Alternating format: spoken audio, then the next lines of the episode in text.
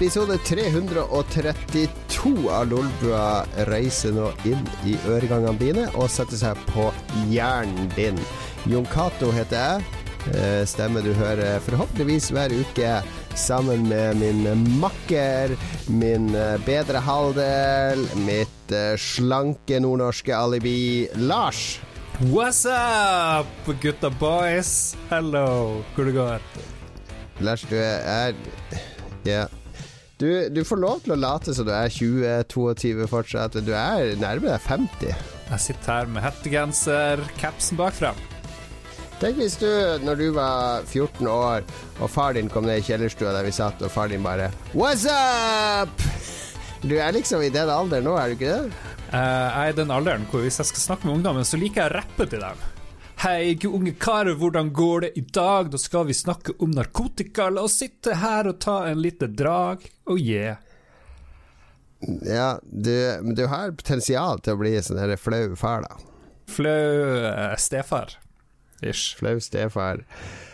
Mats, hvor gammel føler du deg innvendig? Yo, yo, sier jeg bare. Nei, I slutten av det, herregud. Tilbake Yo, Mats, what's up, my man? Yo, my man. Altså, jeg, jeg, føler meg Jeg er veldig ungdommelig til sinns. Jeg føler meg ikke så gammel. Jeg, jeg går litt sånn motsatt vei av Jon Cato. Han gleder seg til å bli mm. gammel. Jeg, hold, jeg tviholder på det unge alibiet mitt. Men du gjør sånne voksenting, Matt, for du er jo sånn eh, Du er jo forberedt. Du, ja, er sant. du prepper litt og sånne ting. Det er sånn voksenting. Ja. Nei, det er litt rart det der. Um, jeg, føler meg, jeg, føler meg, ikke sånn supergammel, men jeg, jeg føler meg samtidig veldig lite kobla opp mot dagens ungdom med det TikTok og de greiene der. Jeg er helt på utsida der. Det forstår ja. jeg ikke i det hele tatt. Så ja. vi, er, vi er gamle, folkens. Tror jeg vi bare konkluderer med. Jeg vet ikke. Det, det er jo katt å sitte her i slåbrakk. Du blir ikke eldre enn det, liksom. Det er ikke slåbrakk, det er sånn ørelappstånd. Men jeg, har jo alt, jeg omfavner jo alderen min. Jeg prøver jo å distansere meg fra å være ung.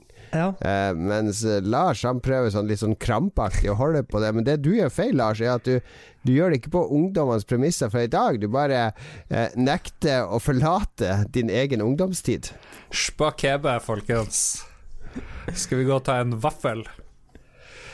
Ta deg en vaffel med Reidar, du. Reidar og Grøten, og dropp noen andre sånne referanser som bare oss gamlinger kjenner. Så skal du se at det resonnerer hos uh, ungdommen. Uh, vi kan jo snakke litt mer om hvor gammel du har blitt, uh, og hvor voksen du har blitt, Lars. For jeg skjønner det sånn at du har hatt mammaen din på besøk for å rydde i klærne dine.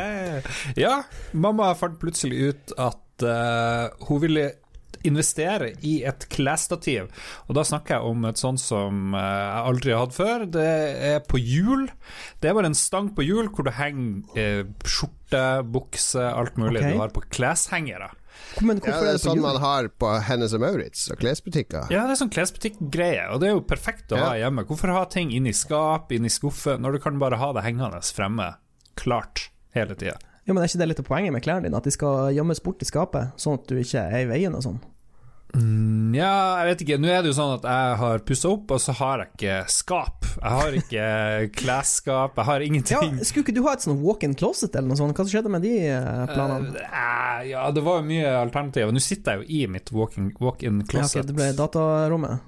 Ja, det ble ja. mancave. Her kan ungdommen sitte og game i løpet av dagen, osv. Men du har, du har, jo plass til et fint skap i det, uh, hovedsoverommet ditt, har du ikke? Jo da, men det er litt lite plass, og så er jeg jo lat as a motherfuck, sånn som ungdommen er, så jeg har, ja. ikke, jeg har ikke, fått til det. da Og så Det er litt flaut. Plutselig så kommer moderen, drar meg ut på Jysk, for det er bare de som har sånne ting her, tydeligvis. Ja. Kjøpte noen krum, krumløsning. Bygde det på 1, 2, 3, veldig fornøyd. Og så, og så fant moderen ut Lars, har du tid med liksom fære? Jeg bare nei, det er masse tid, og så angrer jeg med en gang. For du sa ja, da skal vi gå gjennom alle klærne du har, for liksom jeg kaster jo aldri klær. så, så, da var det å prøve masse klær med moderen, eh, som jo ikke er den mest ungdommelige av oss. Hun aner jo ikke hva som skjer. Eller hun, hun er jo liksom kult kledd til å være 73. Jeg husker ikke helt hva det er. men, eh, du, men vent nå, vent nå. Det her er et meget sviktende logisk premiss her. Fordi Mm. premisset i det du har sagt nå, er at du vet hvordan man kler seg kult i din Ja, det er alder. Du sier at mor di ikke vet det, men at du vet det. Ja. Det, jeg vet ikke om det er Vi som har sett din klesstil, eh, Lars, det er ingenting trendy eller kult med måten du kler deg på. Det er, der, det er den standard eh, Altså, gå på Ikke på dressmann engang, men du går på det der Carlings og sånne. Det er sånne type klær du går Yo. i. Helt sånn standard usikker ung mann-klær. Jeg vet ikke om det er usikker. Jeg bryr meg ikke så mye heller, da. Men uh, jeg kan ikke si jeg er sikker heller, så bare kast adjektiv i min retning, folkens. Det går helt fint. Men, uh, men det var jo litt artig, da. Men hva Bare, var sist gang du gikk gjennom klærne dine og uh, kvittet deg med plagg? Vet du hva, Da jeg var på mitt feiteste, så gikk jeg gjennom klærne, og det er bare sånn to år siden. Og da kasta jeg masse som kanskje ville vært passende nå, så nu, men nå var jo ting altfor stort igjen, så jeg måtte kaste masse klær som er for svære, Ja. og masse skjorter. Jeg har 1000 skjorter, og de er stygge, og jeg bruker dem aldri.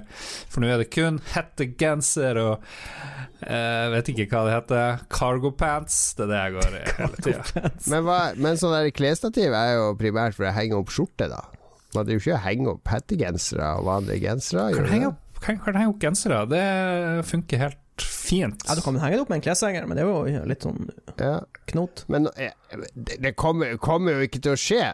Det kommer jo, kommer jo til å vaske klær, og så tørker de, og så ligger de i en haug i et hjørne på rommet ditt, mens det klesstativet ditt står der med færre og færre hengere med klær på. Det blir akkurat som julepynten din. Blir bare liggende Det i et hjørne. spørs, spørs hvor ofte mamma kommer på besøk. Ja, det er det jeg tenker. Ja. Nei, jeg skal henge, men du har rett. Det, men det problemet med skjorte er at de krøller så jævlig. Og så må du stryke de, og så gidder jeg ikke å stryke de, og så blir de hengende. Det, vi er litt der. Skjønner. er vår venn Espen Skoglund stryker jo aldri skjorte, og han har bare sånne skjorter som ser nystrøken ut. Og han har jo sagt at eh, det er bare hvis du kjøper deg en skjorte til 2000-3000, så slipper du å stryke den. Du må slutte å Hæ? kjøpe de her billigskjortene på Carlings. Carlings og What's up? Carlings. Ja, ja, ok, nok om det. Men det var, var veldig gøy med å kaste tre bæ- sånne søppelposer med klær. Så Kasta eller ga de bort? Eh, ok, de, de går til Fretex, og så, Ja. og så okay, ble jeg kvitt sikkert fem par sko, eller noe sånt, for det, den biten ble åtatt. Så eh, ja, har dere hatt sånne class-apokalypser? Hvor ofte gjør dere det? Hvor Jeg ofte hadde, det? jeg hadde en skikkelig purge eh, Når jeg flytta til Oslo for tre-fire år siden. Da gikk jeg gjennom hele garderoben, og så kvittet jeg bare med masse klær. Sånn at jeg Ja. ikke hadde så mye. Så min, min garderobe er ganske, trim, ganske tynn nå. Det er litt deilig, er ikke det Jeg synes syns det er superdeilig. Jeg har, alltid, jeg, har alt, jeg har alle klærne mine i eh, et sånn OK stort garderobeskap, og så har jeg seksjonert det i T-skjorte, gensere, bukse osv. Så, videre. så jeg har veldig system på det. Ja. Dere vet jo der er Marie Kondo, eller hva farsken hun heter for noe? Hun Ja. japanske. Du skal ha følelser, du skal få følelser for tingene dine. Jeg tror det var én skjorte jeg fikk en liten følelse for, men jeg beholdt mange Sparks Joy. likevel. Ja, det var bare én som sparker joy, så jeg kunne kasta mye mer, liksom. Så jeg vet ikke. Nei, du, skulle, jeg, Jeg- bare kjøre en ny, uh, ny purge. ja. Ja, jeg har sånn Marie Kondo på alle klærne mine. De ligger står oppstilt i sånne små bokser i klesskapet mitt og i, i to skuffene som jeg disponerer. Eh, På soverommet vårt så er det jo kona mi som har tre fjerdedeler av klesplassen, så jeg har ikke så mye klær. Eh, For meg holder det med seks T-skjorter, tre gensere Jeg har litt mye skjorte, seks skjorter eller noe sånt, Oi, og tre bukser. Tre bukser. Trenger ikke noe mer enn det. Nei. Lurer på om det der Marie Kondo er sikkert full av kokain, det bare ser helt jævlig ut, det ligger vinflasker overalt. Jeg har lyst til å se jeg- er andre Jeg driver fortsatt og bretter sånn etter Marie Kondo. Når jeg tar alle rene klærne mine fra badet, så bretter jeg de på senga og putter de Du må jo, fint du må jo brette klærne og legge de fint i skapet. Ja, Er Marie problem. Kondo i slekt med Koji Kondo? jeg vil tro det. Jeg vil tro det. Det tror jeg òg. Ja. Driver Cato og ser dypt Første tegn på Alzheimer ser tomt ut i lufta forbi mikrofonen. Det er, Ja, det er bare når, når samtalen blir for uinteressant, så Ja, da må jo du gå videre her. Få Hva, er, Jon eh, hva som har skjedd i livet ditt? Hva du har tenkt på siden sist? Uh, nei, jeg har uh, for, eh, begynt å organisere Jeg føler jeg organiserer Nå organiserer jeg absolutt alt i Lolbua for tida. Fikser sendeskjema til Spillrevyen og Lolbua. Tar initiativ til julegaver. Eh, setter opp en sånn der uh, fellesstream med Rad Crew på fredag, der jeg skal DJ-e sammen med Jostein. Jeg så plakaten. Det var ja, det gleder vi oss til. Ja, altså Før opptak i dag så følte jeg på sånn snev av fatigue, for nå har jeg holdt på med sånn podkasting fuckings hver dag i to uker. Jeg drev og mm. organiserte plakat, jeg drev og ordna de holdt på å røpe hva julegaven skulle være til swapperne. Jeg drev og organiserte swapper-tingene, det Christian har hjulpet til. Eh, altså er det folk som skal Jeg, jeg kjøpte det og det, jeg vil ha tilbake penger fra patrionene våre, så jeg bare driver og bokfører føre bilag for ditten og datten, for uh, Hva de vil ha penger tilbake for Patrion? Hva er det for noe å gjøre? Nei, Nei, hvis eh, noen kjøper spill et spill sånn. de skal teste, sånn som sånn, Mats ja. uh, Mats ja. kunne liksom ikke kjøpe Assassin's Creed til 119 kroner som alle andre. Nei, jeg skal ha det på Epic Games Store til 600 kroner! Så god, betal, jeg, kjøpte det, jeg kjøpte det før den greia der kom, jo, Cato. Ja. Mm, ok, ok. Um, for å si det sånn, for å si det sånn hvis, hvis, jeg kunne ha kjøpt Valhalla for 100 kroner, så hadde jeg gjort det glatt. For det var ikke verdt uh, de, de, pengene. Og jeg vil bare, for ordens skyld, det er det første P3-pengene Mats har henta ut uh, fra kassen her. det er bra, det er bra, Mats. Ja. Bare ka-ching! Nå er du dirty. Nå er, er, jeg på deres lag. Nå har jeg, vi, vi, har jo åpna for at vi kan investere i å kjøpe spill og andre ting. Ja, for jeg, jeg, så bare, jeg, så bare, på det at liksom uh, Valhalla, jeg hadde ikke kjøpt det for egne penger bare for å prøve det en time, liksom. Det, ja. Jeg skjønte at jeg ikke kom til å spille det så mye, fordi ja, jeg, hadde en liten, jeg hadde en dårlig feeling, kan vi si. Okay, så du sier du brukte 600 kroner av Patrion-penger for å spille én time, som du visste du blir å spille en Nei, time? Nei, jeg, visste ikke det, men jeg hadde en mistanke. Jeg hadde en, dessverre okay, en, en, mistanke. Ok det er greit. Men vet du hva, siden du har sånn fatigue og bare brukt ti minutter på å syte nå, så vet du hva fra min eget initiativ. Jeg kan, jeg kan klippe denne sendinga her. Jeg kan gjøre det på Ingen som har foreslått det, ingen som har liksom sagt 'Å, Lars, kan ikke du Jeg er så sliten'. Jeg gjør det helt fra bunnen av mitt hjerte. Du er så snill, Lars. Klippe, ja. klippe resten av sendingen ut året, det hadde vært noe. Det, ja, det bare glemme. Det går ikke.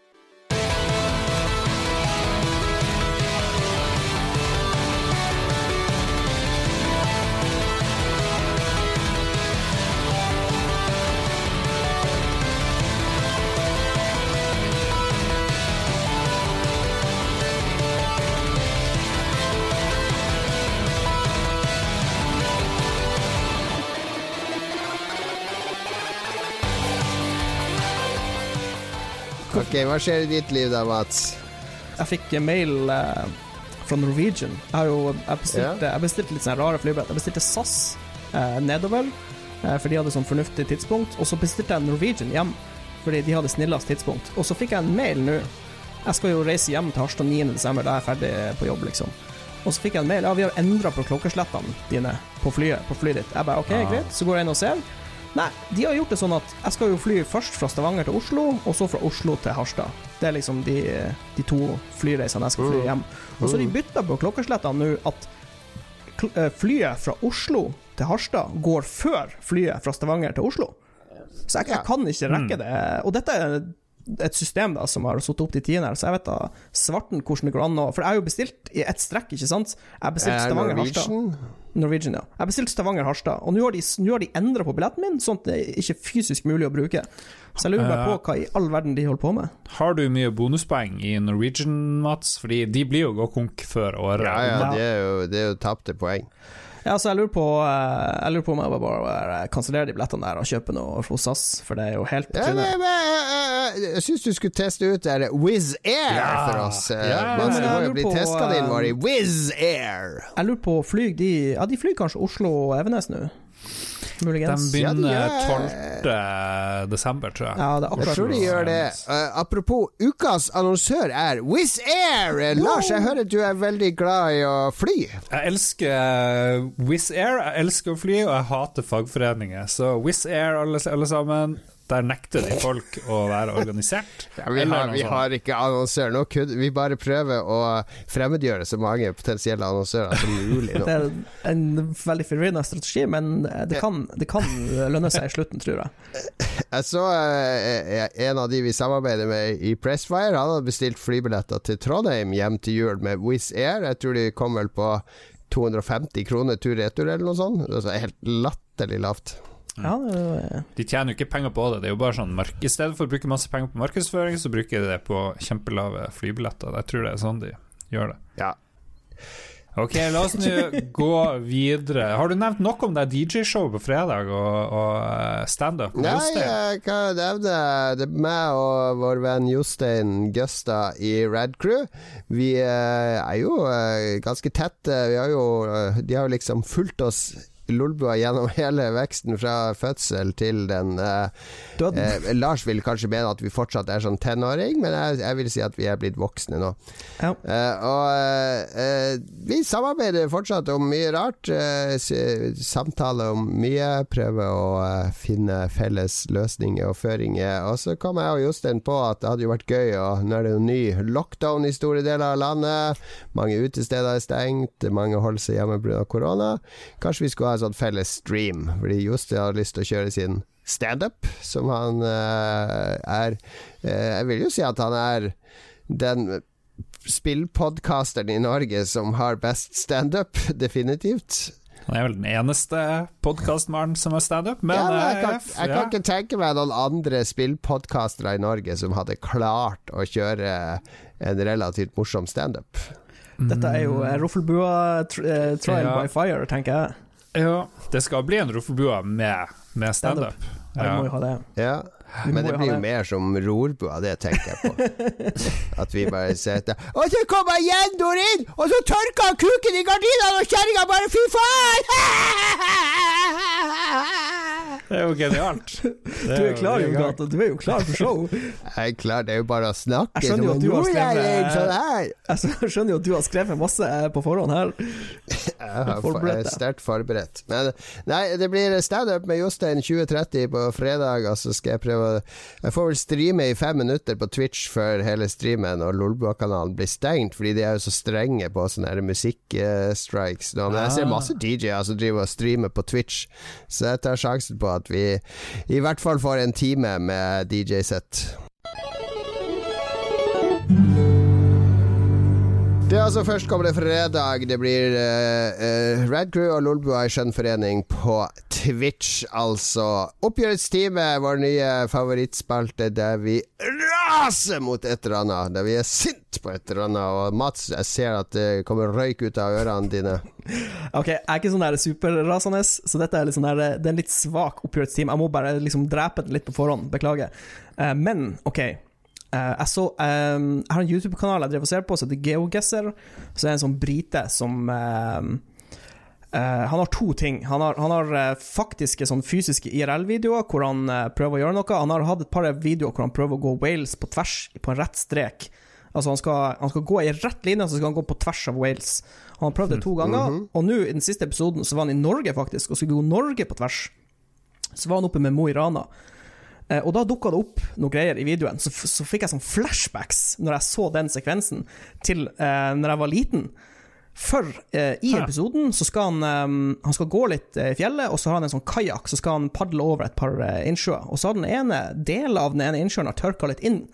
så er det en, på en plass er det litt sånn kvikksandaktig greie i et sånn elveleie hvor han sitter seg litt fast. Og da bare kom jeg tilbake til å tenke på når man leste Donald og sånn, når man var små, så trodde jeg at kvikksand kom til å bli et kjempestort problem i mitt voksne liv. At det var liksom noe jeg måtte deale med på en ja, ja. sånn ukentlig basis. For det, det, skjer så mye i sånne eh, tegneserieblader med kvikksand. Og så ble jeg bare superskuffa på For jeg kom til å tenke liksom, Jeg har egentlig ikke hatt noe problem med kvikksand, så jeg føler Donald har oversolgt den kvikksandtrusselen veldig. Så jeg vil bare kritisere Donald for det her. Eh, det var egentlig det jeg hadde. Takk for dere. var magisk. Jeg likte det. det her, dette var en svak oppgjørelsestime. jeg kan stille meg bak det, og det her er jo standup. Det her er jo standup, Mats. Ja, altså, liksom, når jeg var liten og drev og leste de her Donald-bladene, så, så, tenkte jeg sånn Å, dæven, det her kommer til å bli et megastort problem. Men det var jo ikke det. Det er jo ikke det. Det er bare løgn. Lyg til oss. Propaganda. Kvikksandpropaganda. Ja.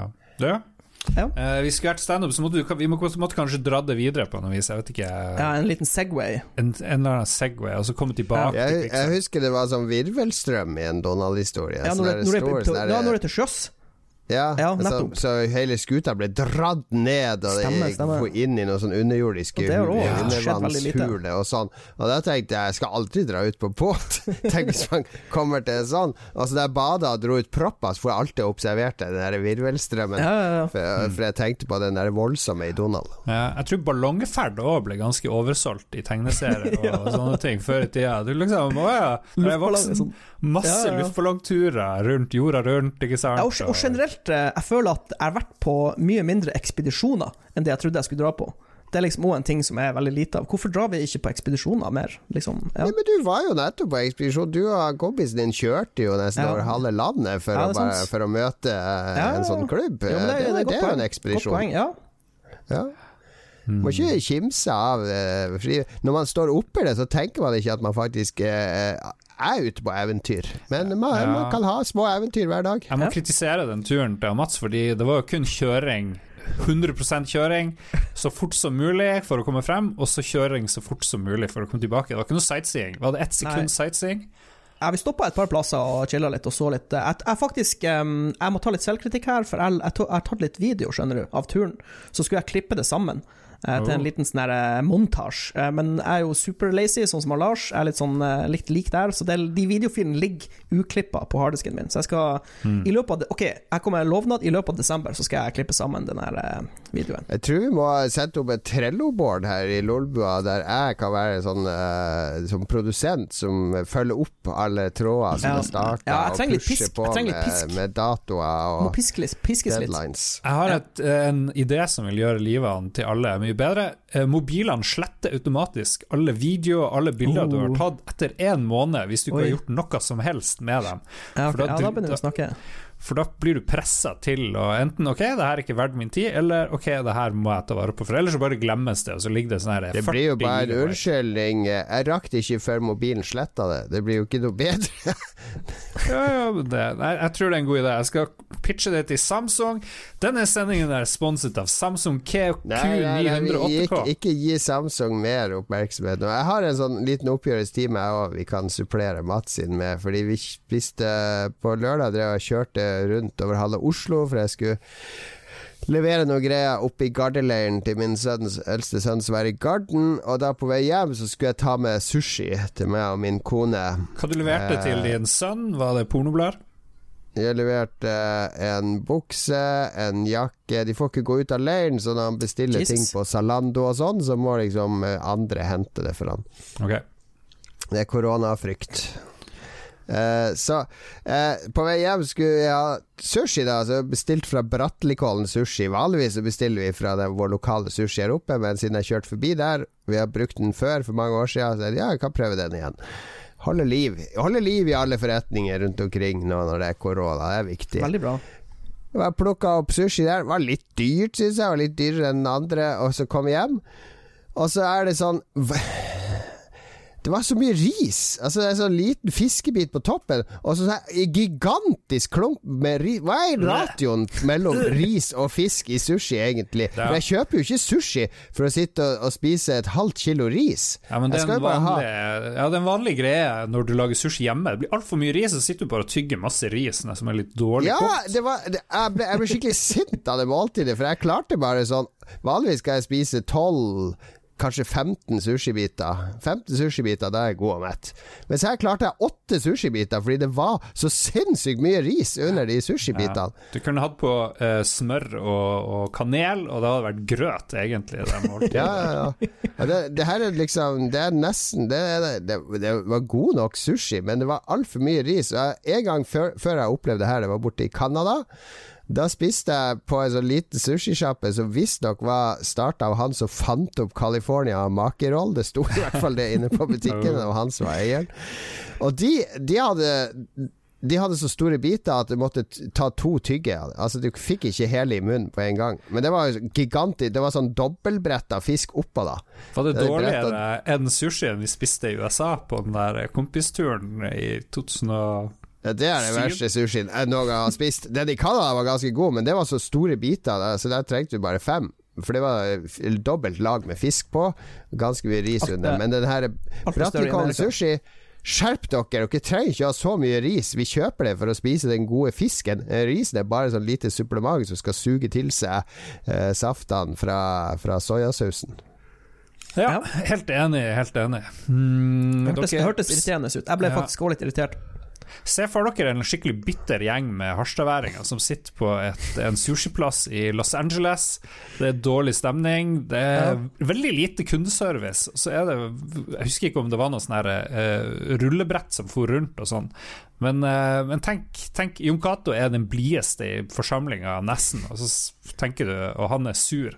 Tenk hvordan det er uh, borti USA der. Det var det verste sushimåltidet jeg har hatt noen gang.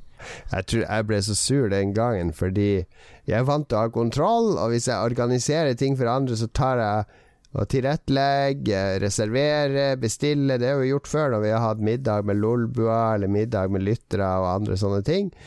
Det krever litt organisering på forhånd. Så her var den ene dagen der jeg outsourca dette til en som var med. Eh, fordi han hadde lyst til å spise der, så jeg bare, da fikser du bare bord, så drar vi og spiser dit. Kommer vi opp til det stedet vi skal spise, der står det folk i kø utfor. Han bare jeg visste ikke at man måtte bestille bord! Jeg trodde bare det var å møte opp! Og da måtte vi finne det første og beste, for alle var jo dritsultne. Og det var det der shabby loftet vi satte oss på der. Det var ingen andre.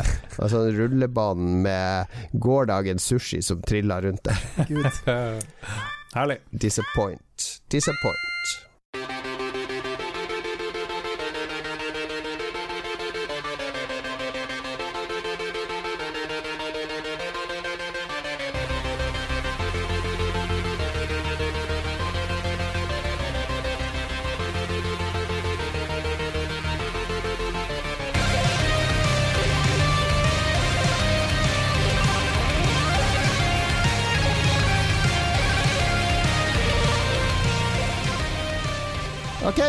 Begynne å kåre beste tingene. Det er jo det artigste vi vet i Lolbua når det er desember. Det er jo godtykåring, altså Game of the Year.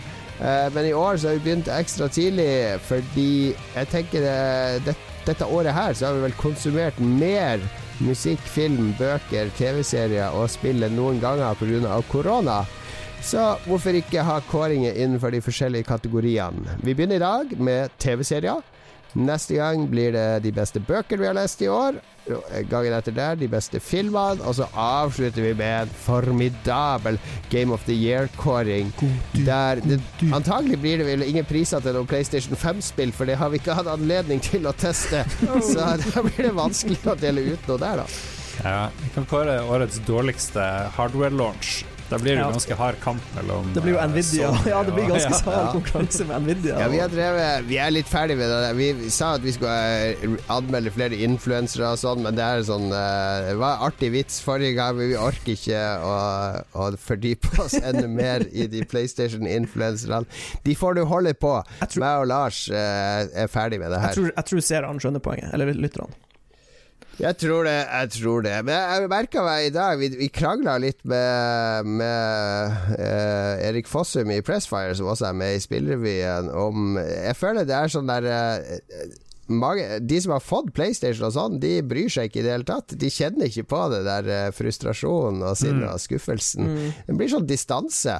Det er litt sånn når du uh, uh, bruker å kaste disse spillene til 600-700 kroner som du har fått kode på. Lars bare eh, 'Kjempegøy, kjempegøy'. Du spilte en halvtime. Vel verdt å bruke penger på. Man får liksom ikke ja, Altså, seriøst. Ja, man, jeg, jeg, kjenner på samvittigheten bare med det ene, det er Valhalla-spillet. Jeg, jeg, har liksom dårlig samvittighet fordi pengene er mindre, mindre bortkasta, liksom. Det er jo det er ikke bra. Ja, jeg har gitt uh, telefonnummeret til alle patrons, så de, du får sånn SMS døgnet rundt der de krever at du skal fullføre spillet, så de har kjøpt det. Men jeg skal, jeg skal, altså jeg har en plan, faktisk, fordi jeg er ganske sikker på at det blir å komme noen patcher, og så blir det smoothere, så jeg tenker liksom januar-februar. Da blir det for, ja. for, helt ærlig, jeg syns det virker som et kult spill eh, under alt det tekniske surret. Så syns jeg ja. det virker som et morsomt spill, faktisk.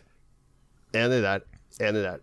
Så, men uh, som sagt, Nordisk Film, hvis dere vil ha med PlayStation 5 i kåring av Goti, så er det bare å sende en til en, vi, tar, vi tar en hver. En til Mats, en til Lars og en til meg. Vi har masse, masse reach og influensere. Og, og Denne sendingen er sponset av Nordisk Film. Nordisk Film Denne sendingen er sponset av Nordisk Film. Nordisk Film. All right. Det er bare lov å kåre Vi skal kåre beste TV-serier vi har sett i år. Vi er tre stykker hver vi får lov å hente fram.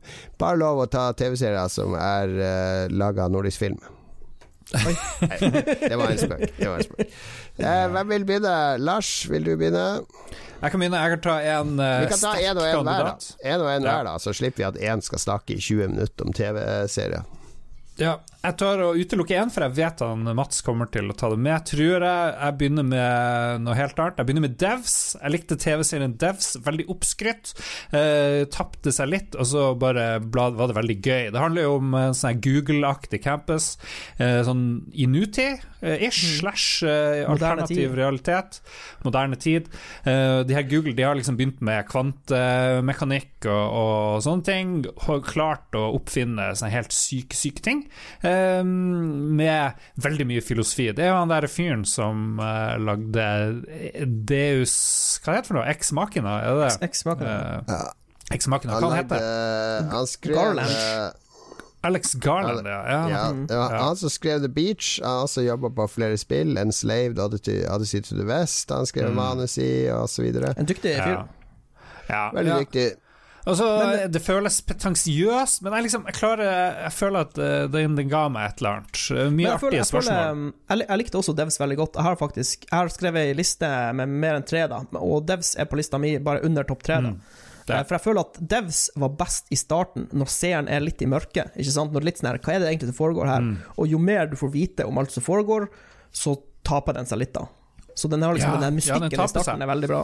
Mm. Den tapper seg, men jeg følte ja. den redda seg inn eh, på slutten. Ja, det er jo litt godt. jeg likte den veldig godt. Ja, de fleste TV-seere blir jo veldig dårlige på slutten, men jeg følte at Devs klarte, klarte det. Jeg syns den eh, ble mer og mer eh, sånn her svevende fjås, så på slutten så, så egentlig hater jeg Devs, så jeg er litt imot på det. Jeg elsker den i starten. Jeg likte den best i starten. Jo, jeg elsker jo Alex Garland. Altså alt, all, nesten alt av filmene han har laga er kult. 28 mm. Days Later var det han som skrev skrev uh, manus til. Sunshine, den sci-fi-filmen om de som skal reise mot sola. Var det han som lagde den der uh, Annihilation, den som var på Netflix? Annihilation ja, har han uh, regissert og skrevet. Den er jo dritbra, mm. den Netflix-filmen med de damene som skal ro inn i den, den rare sona. Ex Machina er kjempebra. Dredd, den filmen.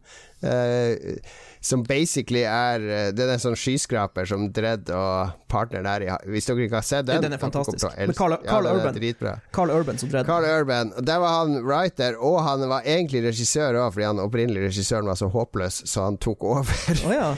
underveis. Shit, det visste jeg ikke. Så, så, han er dritflink. Så jeg, jeg hadde kjempehøye forhåpninger til Devs, fordi jeg er så fan av Garland. Men jeg, jeg syns det ble dratt for langt ut. Det kunne vært fortalt bedre og mer konsist. Men jeg liker stemninga, lydbildet og, mm. og bildebruken og ja, er, Jeg er jo ikke uenig i noe av det dere sier, men jeg føler at uh, de prøvde noe annet, og de, de lyktes ikke 100 men de skal ha for forsøket å, å lage noe tungt og filosofisk og litt sånn ordentlig ja. sci-fi som forteller noe om mennesker og sånne ting. Det, ja et, en, jeg er enig i det.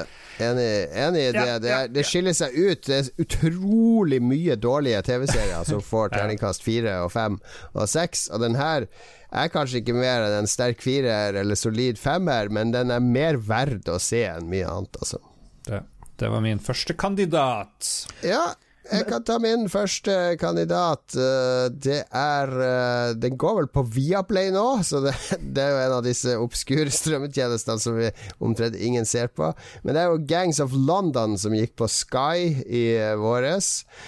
Som er laga av han Det er jo en annen favoritt her i Lolbua. Jeg glemmer alltid hva han heter. Gangs det han der, um, Guy Ritchie. The Raid-fyren, var det det? Ja, han, The Raid-fyren. Ah, ja, ja. ja.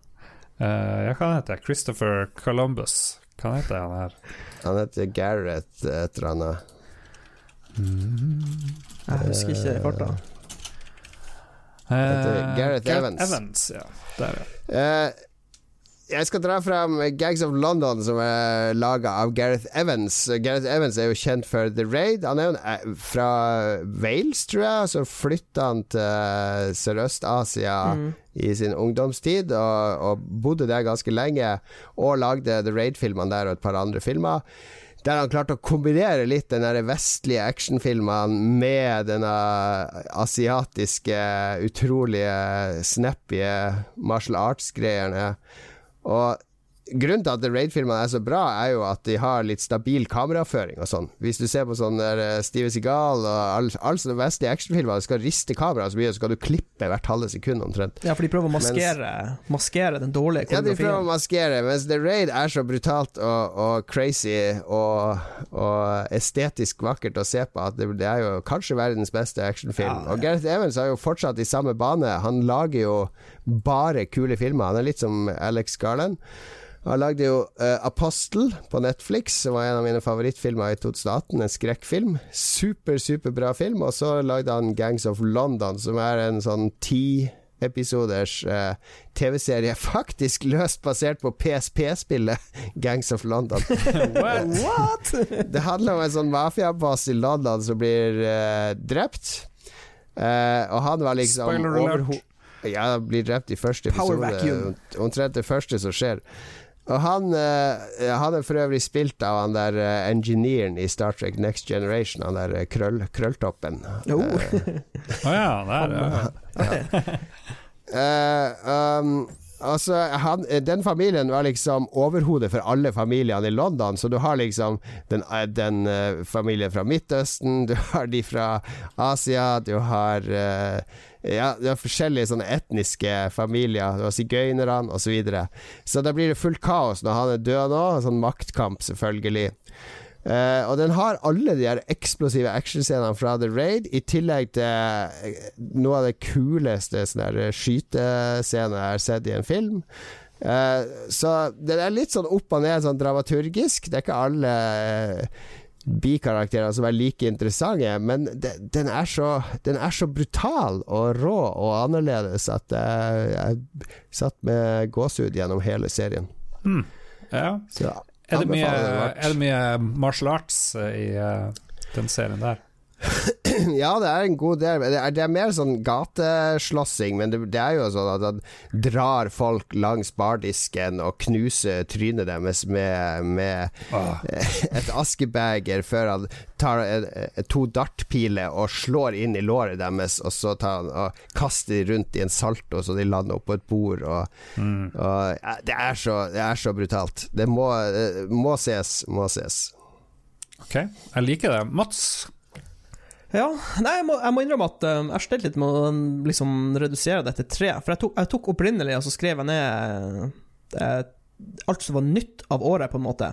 Men så innså jeg at det, var jo, det er jo mange TV-serier som er ongoing, som hadde nye sesonger i år. Så jeg, jeg kom fram til at jeg må mm. ta med de. Uh, men vi begynner nederst, da, på tredjeplassen, med The Last Dance, faktisk. Den her dokumentaren som gikk på Netflix om Chicago Bulls i eh, storhetsperioden på 80- og 90-tallet. For den, eh, jeg følte den må få lov til å være med. For jeg kan ikke bare ha tre dramaserier, liksom. Jeg må ta med den her sportsdokuen. Vi må, vi må få den med, folkens. det er ikke en, det en Lolbo-episode uten en sportsdokumentar, er det? Nettopp. Nei, men seriøst, eh, The Last Dance var dødsbra. Det er sånn, de, for de har fått med alle, ikke sant? De har intervjuet alle. Det er ingen som står på utsida, så du får liksom hele historien. Så jeg syns bare det var dritbra laga, liksom. Det var mm. Ja, jeg følte at du fikk et ekstremt godt innblikk i dynamikken eh, med spillerne og hvem som var drittsekk. Alle var jo egentlig drittsekker, og det er det som er så artig. Du, liksom, all, ingen var jo good guys eh, i NBA på den tida der. Liksom, fra managere til trenere til spillere. Alle var jo Det er kanskje et par snille gutter inni der, men de fleste var ganske bitre karer, liksom. Men uh, veldig, mm. veldig bra uh, dokumentarserie. Kanskje, hvis jeg skal kritisere den, kunne kanskje vært litt kortere, for det er vel ti episoder eller noe sånt totalt. Det, ja. Jeg er litt fan av ting som er syv episoder, jeg vet ikke hvorfor. Syv episoder er et bra tall. ja, syv er bra. Eh, det, er, det lages mye bra sportsdokumentar fra utlandet, men hvorfor er det ingenting fra Norge? Ja, enig. Hvorfor Hvor ikke er... sånn der Sunderland-serie? Ja, om Bodø-Glimt, liksom. I om år, Heal! for eksempel. Heal! Ja, eller ja, whatever. Liksom. Men tenk, det hadde jo vært dritkult å ha vært fulgt med Bodø-Glimt liksom, den sesongen her, når det liksom går som bare det.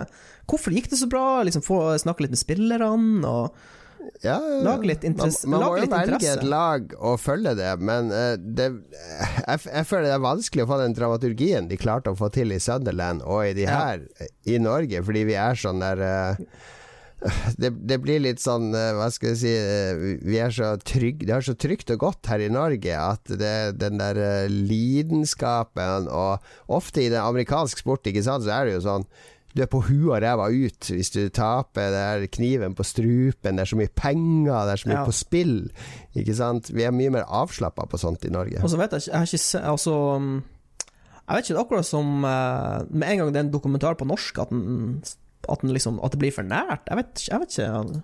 At den mister litt den der Det er ikke så eksotisk lenger. Med en gang du er Mm. hjemme hos oss. Ja, ja. Med en gang det er sånn norsk fortellerstemme, så tror jeg det er sånn Firestjerners middag Ja, ja, ja. eller uh, Årvollen camping, eller hva det heter. Det, det blir sånn fjå, det er bare sånn fjåsedokumentar. Ja, ja, ja, med du- sånne du føler at det ikke er skrullinger seriøst. de har putta foran kamera. ja. Ja, det er bra, bra anbefaling, eh, absolutt. Uh, Lars, vi skal ha din nummer to. Ja, min nummer to. Jeg kan jo nevne kjapt et par jeg forkasta. Jeg elsker jo Project Runway. Jeg vet ikke, jeg har jo sikkert nevnt det, men jeg så jo Making the Cut sesong én. Men jeg tror ikke det blir det en sesong to. Det er jo Heidi Klum som er tilbake med masse designere. Det var veldig artig.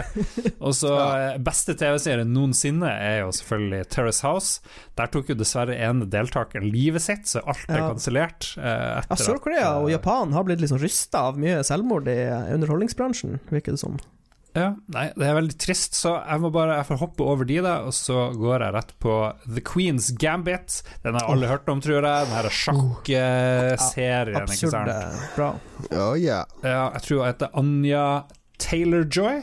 Aldri Ja. hørt om henne før. Aldri Aner ikke hva hun holder på med. Hun er born in Miami, Florida. Youngest of six children. Men nå spiller hun da en sånn fiktiv uh, sjakkgeni. Eh, hvem er det? Du, Mats? Shinkato? Hvem er det som anbefalte den? jeg, anbefalte den, ja. Ja. ja. Jeg det- syns det er helt fantastisk. eh. Ja, veldig gøy. jeg liker jo jeg liker Og um, en liten shout-out til hun jenta som er i de første episodene, som spiller den unge versjonen av henne. Hun er jo latterlig dyktig lita skuespillerjente. Absolutt. Så Jeg lurer på om, eh, jeg leste en litt sånn morsom kommentar, fordi um, det, er jo, det, er jo fik, det er jo fiksjonell historie, ikke sant? Men det er jo mange av de eh, sjakkspillerne som blir nevnt i serien, som finnes. Eh, Mm. Men han Bobby Fischer blir jo aldri nevnt. Og han, han hadde visstnok en veldig lik spillestil som hun har i TV-serien. Så det er på en måte Ja. en sånn slags kvinnelig Bobby Fischer. da Ja, fordi det var jo han som liksom slo russerne eh, Ja. og, og gjorde det hun gjør i Mm. serien, på et vis. Ja. Eller det hun prøver, i hvert fall. Noe slags parallelt univers, eh, på Ja. en måte. Ja, nei, jeg liker det. Jeg setter meg veldig inn i 50-, 60- og 70-tallet. Ja, vet du hva det går. Det var, det var så bra, eh, sånn eh, outfitene og hårfrisyrene og liksom eh, alt av Mm. props og sånn. Var utrolig kult. Følte meg som jeg var på 60-tallet. Ja, Ja. Bra. fin eh, serie. En av de jeg satte mest pris på i år, som ikke kom fra Asia eller moteverden. Nei, det er en bra jeg har sett den. Og den har god lengde på den òg. Ja, åh, godt kult eh, for miniserier. godt uh, fokus. Og så er det jo uh, Uh, han uh, A. Scott Frank som har skrevet den, eh, fordi han, uh, han er ganske dyktig. Eh, det er han som har skrevet Minority Report og Get Shorty og uh, Logan. Det oh, er en av de bedre det. Marvel-filmene. Så han, han har uh, Han er en sånn screenplay-gud. Jeg leste en artikkel om han. Han er meget dyktig på manus. Uh, en av, en av de, de store der. Så veldig, veldig bra skrevet og laga serie. Ja. Mm. Ja. Do it, do it, do it, do it. Det var min nummer dos. Right, min nummer dos. Da skal jeg Det kom kanskje ikke i år, men det var i hvert fall da vi oppdaga det, og jeg oppdaga det. Eh, Det er jo Amazon Prime-serien som har fått meg til å le mer enn noe annet eh, på kanskje mange år. Vi snakker selvfølgelig om eh, Hitoshi Matsumoto sin documental som ligger på Amazon eh, i tre sesonger. Mm. Eh, konseptet er enkelt. Eh, Matsumoto sender brev til ti komikere i Japan som må ta med seg 100 000 yen. Er det ikke det? Eller en million yen? Er det sånn tilsvarende 100 000 kroner for å være med? Det må være en eh, million igjen, altså. Må... Ja, en million igjen hver. Og så blir de sperra inn i et rom, og så hvis du ler, så må du ut. Så skal, de skal være der i seks timer. altså, jeg lov å gjøre hva som helst, og da mener vi hva som helst. Det er eh, stappe sushi under forhuden, kline med hverandre, det er uh, mye, mye drøyt der som ikke, kanskje ikke hadde gått så bra på vestlig TV. Men det er, det er litt tregt første episode, for skal du bli kjent med alle, men så bare eskalerer det. Og på slutten så er det, det er sånn der apokalypse når det er bare sånn to og tre igjen. Fordi de er så slitne for å gå og prøve å holde maska hele tida og ikke le. Og desperate etter å få de Det blir sånn Det blir sånn der eh, next level comedy. Det er, det er ikke morsomt i det hele tatt. Det, det, er, det er bare noe sånn galskap, rett og slett, på slutten. Mm. Vi, eh, vi lagde jo vår egen versjon i Roffelbua. ja, det. det. ble jo litt ubehagelig, det, av og til. ja, det var det. det. Det er litt det du ser på her òg. Så jeg har sett den, og så har du der uh, Rebel Wilson, hun der australske litt sexylubne komikeren som nå har slanka seg masse. Hun hadde en australsk versjon av det, og nå har jeg sett at det kommer en norsk versjon òg. Det, det, kommer til å bli katastrofe, tenker jeg. Vi får se. Vi får se. Hvis de får bra komikere med, så kan det jo bli litt morsomt. Men det er kjempeartig, det, og det har jo leda meg inn på å sjekke ut mer av han Hitoshi Matsumoto, for han er jo stor komiker i Japan, og der har de jo Det har jeg snakket om før, de Gakai-serien, der de skal i ett døgn bli straffa for å le, bli slått slått med noen gummibatonger. Eller spytta sånn der eh, dart, sånn spyttpile i rumpa og sånn hver gang de ler. Det er ganske artig. Ja, Japan. Altså, la oss le av so Japan, good. dere. ja, jeg syns det. Hva skal vi ellers gjøre i disse koronatider? Men eh, Documental, altså. Kjempeartig. Ja. Uh, jeg har um har en, uh, en TV-serie som ikke er ny av året, da, men uh, det var andre sesongen som gikk i år. Uh, The Boys ja. sesong to er min ah, Visste at det kom The Boys sesong to! ja. Nei, altså, hva kan man si? Det er, um, det er utrolig, bra. utrolig bra take på superheltsjangeren. det bare er helt galskap. Og sesong to uh, følte jeg innfridde ganske heftig, for du får, du får, liksom inn nye karakterer, de bygger videre på den kommer en, gjengen Kommer en naziskurk? Jeg vil ikke røpe hvem det er, men det er så bra. ja, nei, det er, det er, det er seriøst. Det, det, holder nivået til sesong én, og så syns jeg eh, at liksom eh, Jeg vet ikke om den er bedre enn sesong én, men den er i hvert fall helt der oppe i toppsjiktet, topp liksom. Så mm. ja. Hvis du, hvis du, ikke har fått med deg The Boys, så må du bare sette deg ned og begynne å se, for det er, det er stor, stor moro. Eh, det var faktisk jeg har ikke sett ennå. det var litt interessant. Um, jeg hadde jo lyst, bare for moro skyld, å uh, og prøve å sjekke ut tegneserier, for det er jo basert på en tegneserie. ikke sant? Så tenkte jeg sånn, ja ja, mm. Eh, så var det, det, det, er litt vanskelig å kjøpe tegneserier, men jeg klarte nå omsider å få tak i de første par heftene. Og vet du hva? Eh, du trenger ikke å lese tegneserien. TV-serien er mye, mye, mye mye bedre enn tegneserien. Oh. Så ja. Oh. Så det er et sånt Og så er de en av de beste skurkene noensinne i Homelander. Ja. Ja. En sånn Supermann-aktig karakter som bare er så magisk umoralsk og egoistisk og barnslig. Og, ja, det er fantastisk skuespill. Oh. Ja. Og så føler jeg de får til mye med For jeg tror ikke de har all verdens budsjett, så jeg føler de får til veldig mye med budsjettet de har fått eh, levert, liksom. Så ja. ja. Nei, um, du tenker ikke over at det er TV-serier, men jeg føler at TV-serier har tatt en next level step her. Mandalorian er jo helt mm. sykt, sykt laga. Ja, The, The Mandalorian har jo uh, uh, sinnssykt kul uh, tech på uh, ja, jeg så sånn. dokumentar om det der. Mm. De bruker vel sånn- Unreal Engine, gjør de ikke det? Ja, ja, ja. ja og så har de lagd sånne der, sinnssyke green screens uh, som de bruker som backdrops. Det er ikke green screens, det er LED-skjermer. Beklager, ikke green Ja, det er skjermer. De har skjermer som uh, kulisser, liksom. Det er sånn nesten 360 grader med skjermer og i taket. Og så er bakken ekte, og ellers så er det liksom Ja, det er fantastisk. Så du sitter og ser på en skjerm på en skjerm? Ja, skuespillerne ja, sånn står i et rom ja. som bare dekker skjermer. Men når du filmer det pga. Unreal og fordi kameraet tracker liksom, bevegelsen, så ser det fett bra ut. Hvis du står mm. inne i rommet og bare ser rundt, så ser det sånn Ja, ja, ok, hvordan skal det her bli bra? Men skuespilleren slipper i hvert fall å se på en grønn vegg, da. Det er helt sant, og det tror jeg er en ja. kjempefordel. Men ja, eh, var uansett, vi var uansett inne i The Boys sesong to. Det er det som var min uh, Mandalorian. jeg har ikke vært inne i noen boys. Det får dere snakke for dere sjøl, gutta. Hvilke boys dere har vært inne i. Det skal ikke jeg legge meg opp i. Boys 2. The Boys. Boys to Man. The Boys.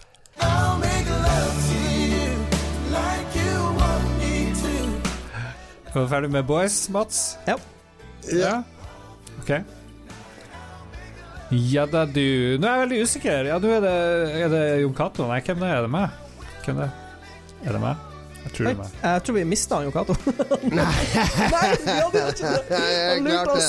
Det var godt. Du, Jon Cato, du kan bli sånn mimeartist, tror jeg. For ja, det var bra, det var bra freeze, det der. Ja. Nei, det er du, Lars. Jeg gjorde det, jeg satt helt i ro, så Mats Det var sånn slutten av Police Squad-trikset. Jo, men det syns jeg var frøsse mid sentence, liksom. Det var dødsbra. Uh, OK, jeg har et vanskelig valg. Skal jeg velge Fargo sesong fire, eller skal jeg gå rett for uh, Mandalorian? Jeg vet ikke hva alle vet om Mandalorian. Fuck det. det som er bra med TV-serien Fargo, er at alle sesongene er selvstendige. Sesong én magisk, sesong to eh, kjempemagisk. Bare bra skuespillere. Han der uh, Freeman, han, han Lord of the Rings-kisen. Uh, Hobbiten ja, er der. Og nå i siste sesongen så er Men du, Nå hopper du glatt over sesong tre, som er det kanskje ja, ganske den er ikke dårlig. Bra. Ja, den, eh, sesong én og to er veldig bra. Sesong to var dritbra, syns jeg. Ja, ja. det var med de tyskerne, var ikke det? Ja. Problemet for meg var at sesong to var veldig sterk, så når sesong tre er litt svakere, så, ja, så mister man jo litt interessen. Ja. Sesong fire Jeg begynner på nytt. Chris Rock er awesome som en av to sånne gangstersjefer. Du har The Blacks, og så har du The Italians, og der er han her Jason Schwartzman er den andre eh, store mafiabossen. Og han er magisk bra. Jeg elsker han her Jason Schwartzman. Han har et ansikt og en måte å prate på som bare er det er liksom, Resonnerende. Jeg syns det, er utrolig gøy å se på. Du liker trynet hans. Ja dum eller smart eller hva nå enn han, eh, han, gjør. Vi er på 50-tallet, eh, og vi er i Kansas City, og de her, de her gangsterbossene de driver og gjør sine ting. Og så er det mye folk som er fanga i midten. Og så er det et sånt persongalleri som er helt magisk. Du har et eh, lesbisk par, ei sånn indianerdame og ei svart dame som bare er helt sånn crazy outlaws som drar rundt og gjør ting. Så ja, for Kansas han, så har de sånne her kasinos og greier. Eller? Eh, veldig, nei, veldig lite kasino eh, okay. her. Det er det. Um, og så har hvorfor du han Hvorfor er det så mye organisert kriminalitet i Kansas? Jeg vet ikke. Slutt å spørre spørsmål når jeg driver og monologerer. Beklager. Hva heter han fyren som har hovedrollen i Deadwood? Han uh, cowboyen Timothy Olifant. Ja, han er med ja. her og har en flott rolle som en marshal som er ute etter noe sånn fugitive, så han oh. bare drar og fucker shit up. Og det er ei sånn her gal sykesøster som drar rundt og gjør helt forferdelige ting. Uh, som har sex mye med han Jason Schwartzman. Det er mye bra. Det er et sånt begravelsesbyrå som har gjeld til mafiaen. Og, og, det som er så gøy i denne fjerde sesongen, det er sånn at uh, i, i, generasjoner der i byen For det har liksom vært The Irish har vært uh, stor der. masse ulike krimsyndikat. Og så når det har blitt konflikt, så bytter de sønner. Så nå har han Chris Rock og han her Jason Swashman De har liksom utlån av sønnene til hverandre. Som, å, vet du hva, det var jo sånn, eh, sånn royalty gjorde på middelalderen og sånn. Ja, Utvikle liksom gisler, på en måte. Ja. Men, men det, er så mye, det er så mye bra, og så har du en politimann som har noe sånn Tourettes eller et eller annet. Liksom. Det, bare, det bare tar av med interessante og bra spilte skuespillere. Og så er det det er krig og kjærlighet, og det er tap, og det er spenning. ikke sant? Fargo er jo veldig sånn Husker dere Fargo? Det er jo liksom Blir han tatt av den der bilselgeren som er ja, korrupt? ikke sant? Hvordan går det med han der fyren? Det er liksom Den nerven prøver de å holde i de her seriene, og det funker jævlig bra, stort sett. Ja, og, det høres veldig sånn karikatur ut. Blir, mm. blir det bare sånne karikerte figurer hele tida? For det syns jeg kan bli litt sånn her uh, too much. Ja, det er vel like mye karikatur som i de andre Fargo-sesongene. Der er det jo litt sånn tegneserieunivers, ja, spør du meg. Ja, absolutt. Ja, men det, ja, en god kritikk. Men det jeg syns Fargo skal ha kred for, er at de fungerer veldig bra enkeltstående, alle sesongene. Det er liksom egne historier, på en måte. Og det, det er en jævlig kul måte å lage TV-serie på. At du bare starter ja. litt på nytt igjen, med nye karakterer og bygger opp fra, fra bunnen av. Absolutely. Ja, enig i det. Enig i det. Ti sesonger, nei, ti episoder, elleve episoder, et eller annet sånt. Ti sesonger, fuck it! Det hadde jeg ikke vært av. Du sier så mye bra du vil om det. 2020. Jeg vil anbefale Falcon Crest. Days of Our Lives. Uh, det hadde moderen her, så ba hun anbefale TV-seere, fordi jeg visste jo vi skulle snakke om det. Så hun sa The Crown og noe sånt på NRK.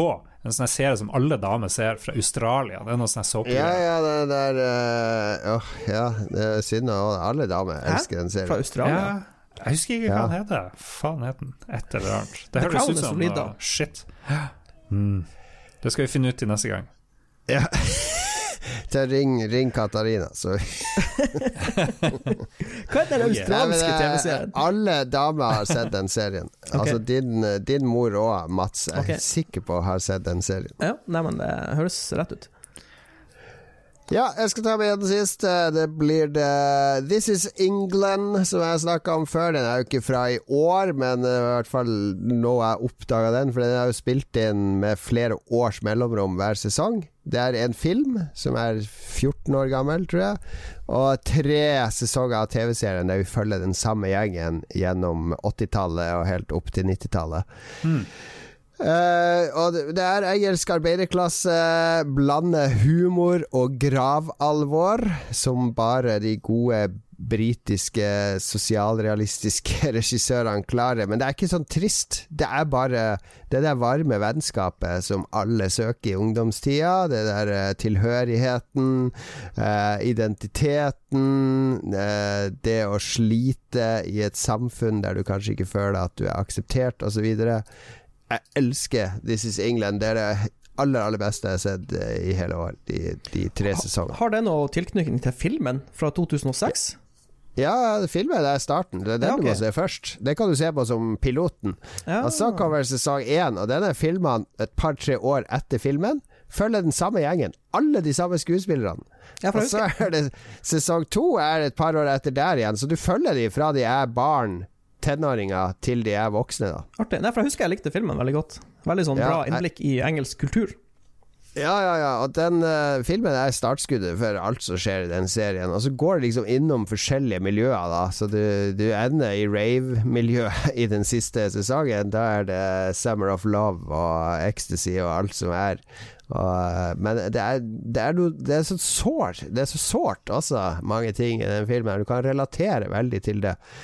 Uh, jeg liker ungdom, film som, eller serier som handler om ungdom, der det er relaterbart på et, uh, på et ordentlig plan. Ikke bare sånne uh, Disney-ungdomsserier som jeg dessverre må se en del av, fordi jeg har en tiåring og en åtteåring som har begynt å elske de. Ja. Så dere mye Mike Lee, apropos sånn uh, britisk sosialrealisme? Der er jo, jeg husker den der Naked, film fra 93 satte mm. veldig store spor, uh, husker jeg. Og så så jeg så jævlig mye mer. Jeg så kanskje den der Secrets and Lies og sånn, men han har jo lagd film fra 71 til 2010, så jeg lurer på om det er noe Nei, liksom det er... uh, ta for seg. Jo, jeg har sett ganske mye Mike Lee, fordi jeg hadde en måned på Criterion, så var det en sånn Mike Lee-måned der de hadde 15 ah. Mike Lee-filmer. Så jeg har sett uh, ganske mange. Så, jeg husker jeg nevnte jo her, men jeg vet jo at du har aldri hørt etter, Lars. Nei, nei. Jeg nevnte jo Meantime. Time fra 1983, som er debutfilmen til Gary Oldman. Det var en sånn TV-film som Mike Lee lagde. Mm. Uh, så jeg så en del av de. Naked Jeg, jeg, det, er, det, er, litt spesielt å være Mike Lee. De er, de er ofte litt mer sånn der uh, Han er så krass, de karakterene i Naked, men de er ofte de er ofte litt mer sår, men det er en sånn sårbarhet i de filmene òg. Men uh, jeg har sett uh, Happy Go Lucky, Vera Drake, uh, Topsy Turvy Life is Sweet Nesten alt av laget er, er fine filmer, altså. Mm, ja. Ekstra bonus, anbefalinger, altså. Vær så god. Også i en av de òg, så er han der eh, Han derre feite karaoke-taxi-duden, hva han heter. Han som har sånn talkshow òg. Ja. Ja, jeg ja. vet hva du mener. Ja, selvfølgelig. Oh, ja, han er verdens verste tenåringssønn i den ene der. Jeg har aldri sett en så drittunge, sånn bortskjemt drittunge som i, i, den ene filmen uh, til Mike Lee. Oh, det, der lo jeg godt når jeg kjente han igjen. Begynte jeg å tenke på Vam og venner. Uh. Ja Det er veldig artig. Uh, James Corden. Ja. Nice. Nei, uh, min uh, topp uh, top TV-serie For å være helt ærlig, så har jeg Queen's Gambit øverst. For det er uten tvil det beste jeg har sett av TV i 2020. Men siden Lars allerede har tatt den, så tenker jeg da har vi dekt på den. så da vet du hva, da slenger vi inn The Mandalorian sesong to.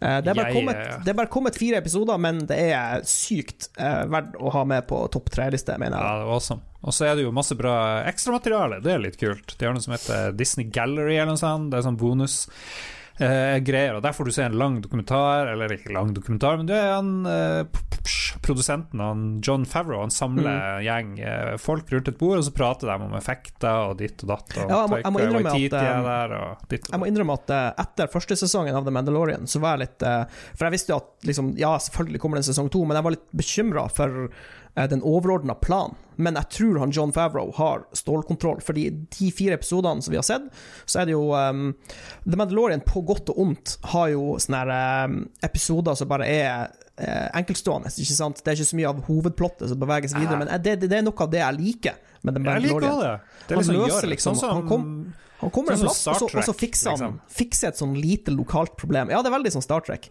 uh, men uh, det er episoder i sesong to hvor plottet dyttes videre, og jeg må innrømme at jeg liker veldig godt retninga den går. Fordi um, når jeg så sesong én, så var jeg litt sånn forvirra på hvorfor, hvorfor er det ingen som vet om jediene, og liksom, hvorfor er det så obskurt, liksom. Men uh, alt blir forklart, uh, og det er, jeg stoler veldig på, på retninga den går. Men det liker jeg jo. Det gikk jo uh, sånn her, eh, hva det heter, inflasjon i jedier etter hvert i hovedfilmuniverset. Ja, de, de det de er veldig gode på i The Mandalorian, er å bygge videre på Star Wars-universet. Fordi eh, det man må huske på når man ser eh, de ni hovedfilmene fra Star Wars-universet, eh, så er de fleste hovedkarakterene er kraftige jedier, eller i nærheten av dem.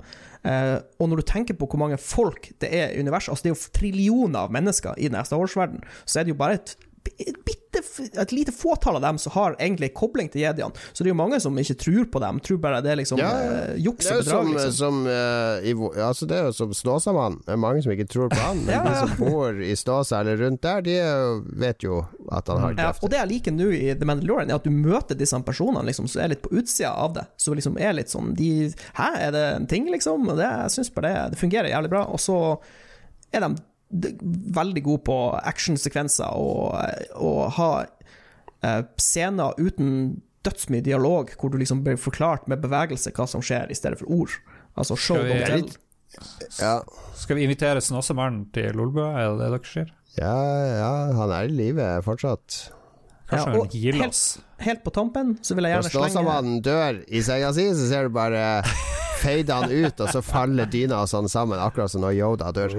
Jeg vil, jeg vil bare slenge ut, det mens vi nå har eh, droppa våre topp tre, så vil jeg slenge ut noen sånne uh, honorable, mentions, hvis det er OK. De som ikke kom helt, nådde helt opp. Uh, The Outsider, jeg vet ikke så noen av dere det? Veldig kul, basert på Ja, den Stephen King. Stephen King den er dritkul ja. helt til slutten. Der ja. kollapser den litt på seg sjøl, men den er vel verdt å se det fram Ja. Men jeg syns, jeg syns den, jeg syns den fortjente honorable mention. Også sesong fem av Better Call Saul er også dritbra. Det kom også ut i år. Jeg har ikke klart å komme inn i det her. Klarer vi å kåre en vinner? Klarer vi å bli enige om hva den objektivt Jeg, jeg klarer å komme med en observasjon, i hvert fall. Jeg ser Lars sine tre. Uh, Hollywood trash, Hollywood trash, Hollywood trash. Mats sine tre. Hollywood trash, Hollywood trash, Hollywood trash. Meg uh, fra kulturriket England, fra Japan og fra England. Så jeg er den eneste som ikke er korrupert God av Hollywood i mitt, mine, mine, valg av TV-serier. Ja. Jeg må innrømme, jeg har litt sånn uh, det, det, er veldig, veldig mainstream, kan vi si, det jeg har. Men jeg, jeg liker det. Jeg spiser det. Det er ikke alle som prøver å være sånn krampaktig, ikke mainstream hele tida.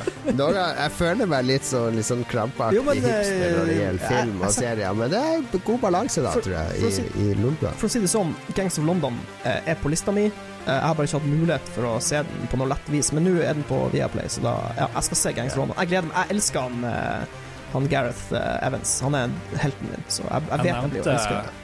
Jeg nevnte Terrace House som beste TV-serie i historien. Vil jeg bare påpeke til The Jury Exhibit A.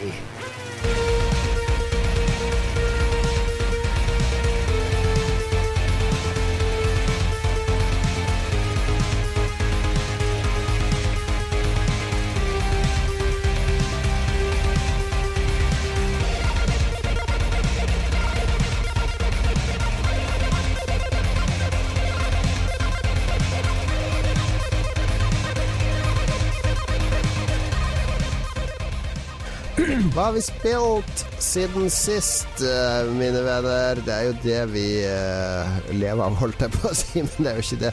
Men uh, at vi byr på vår innsikt rundt spill, er jo en stor grunn til at mange hører på Lolbua.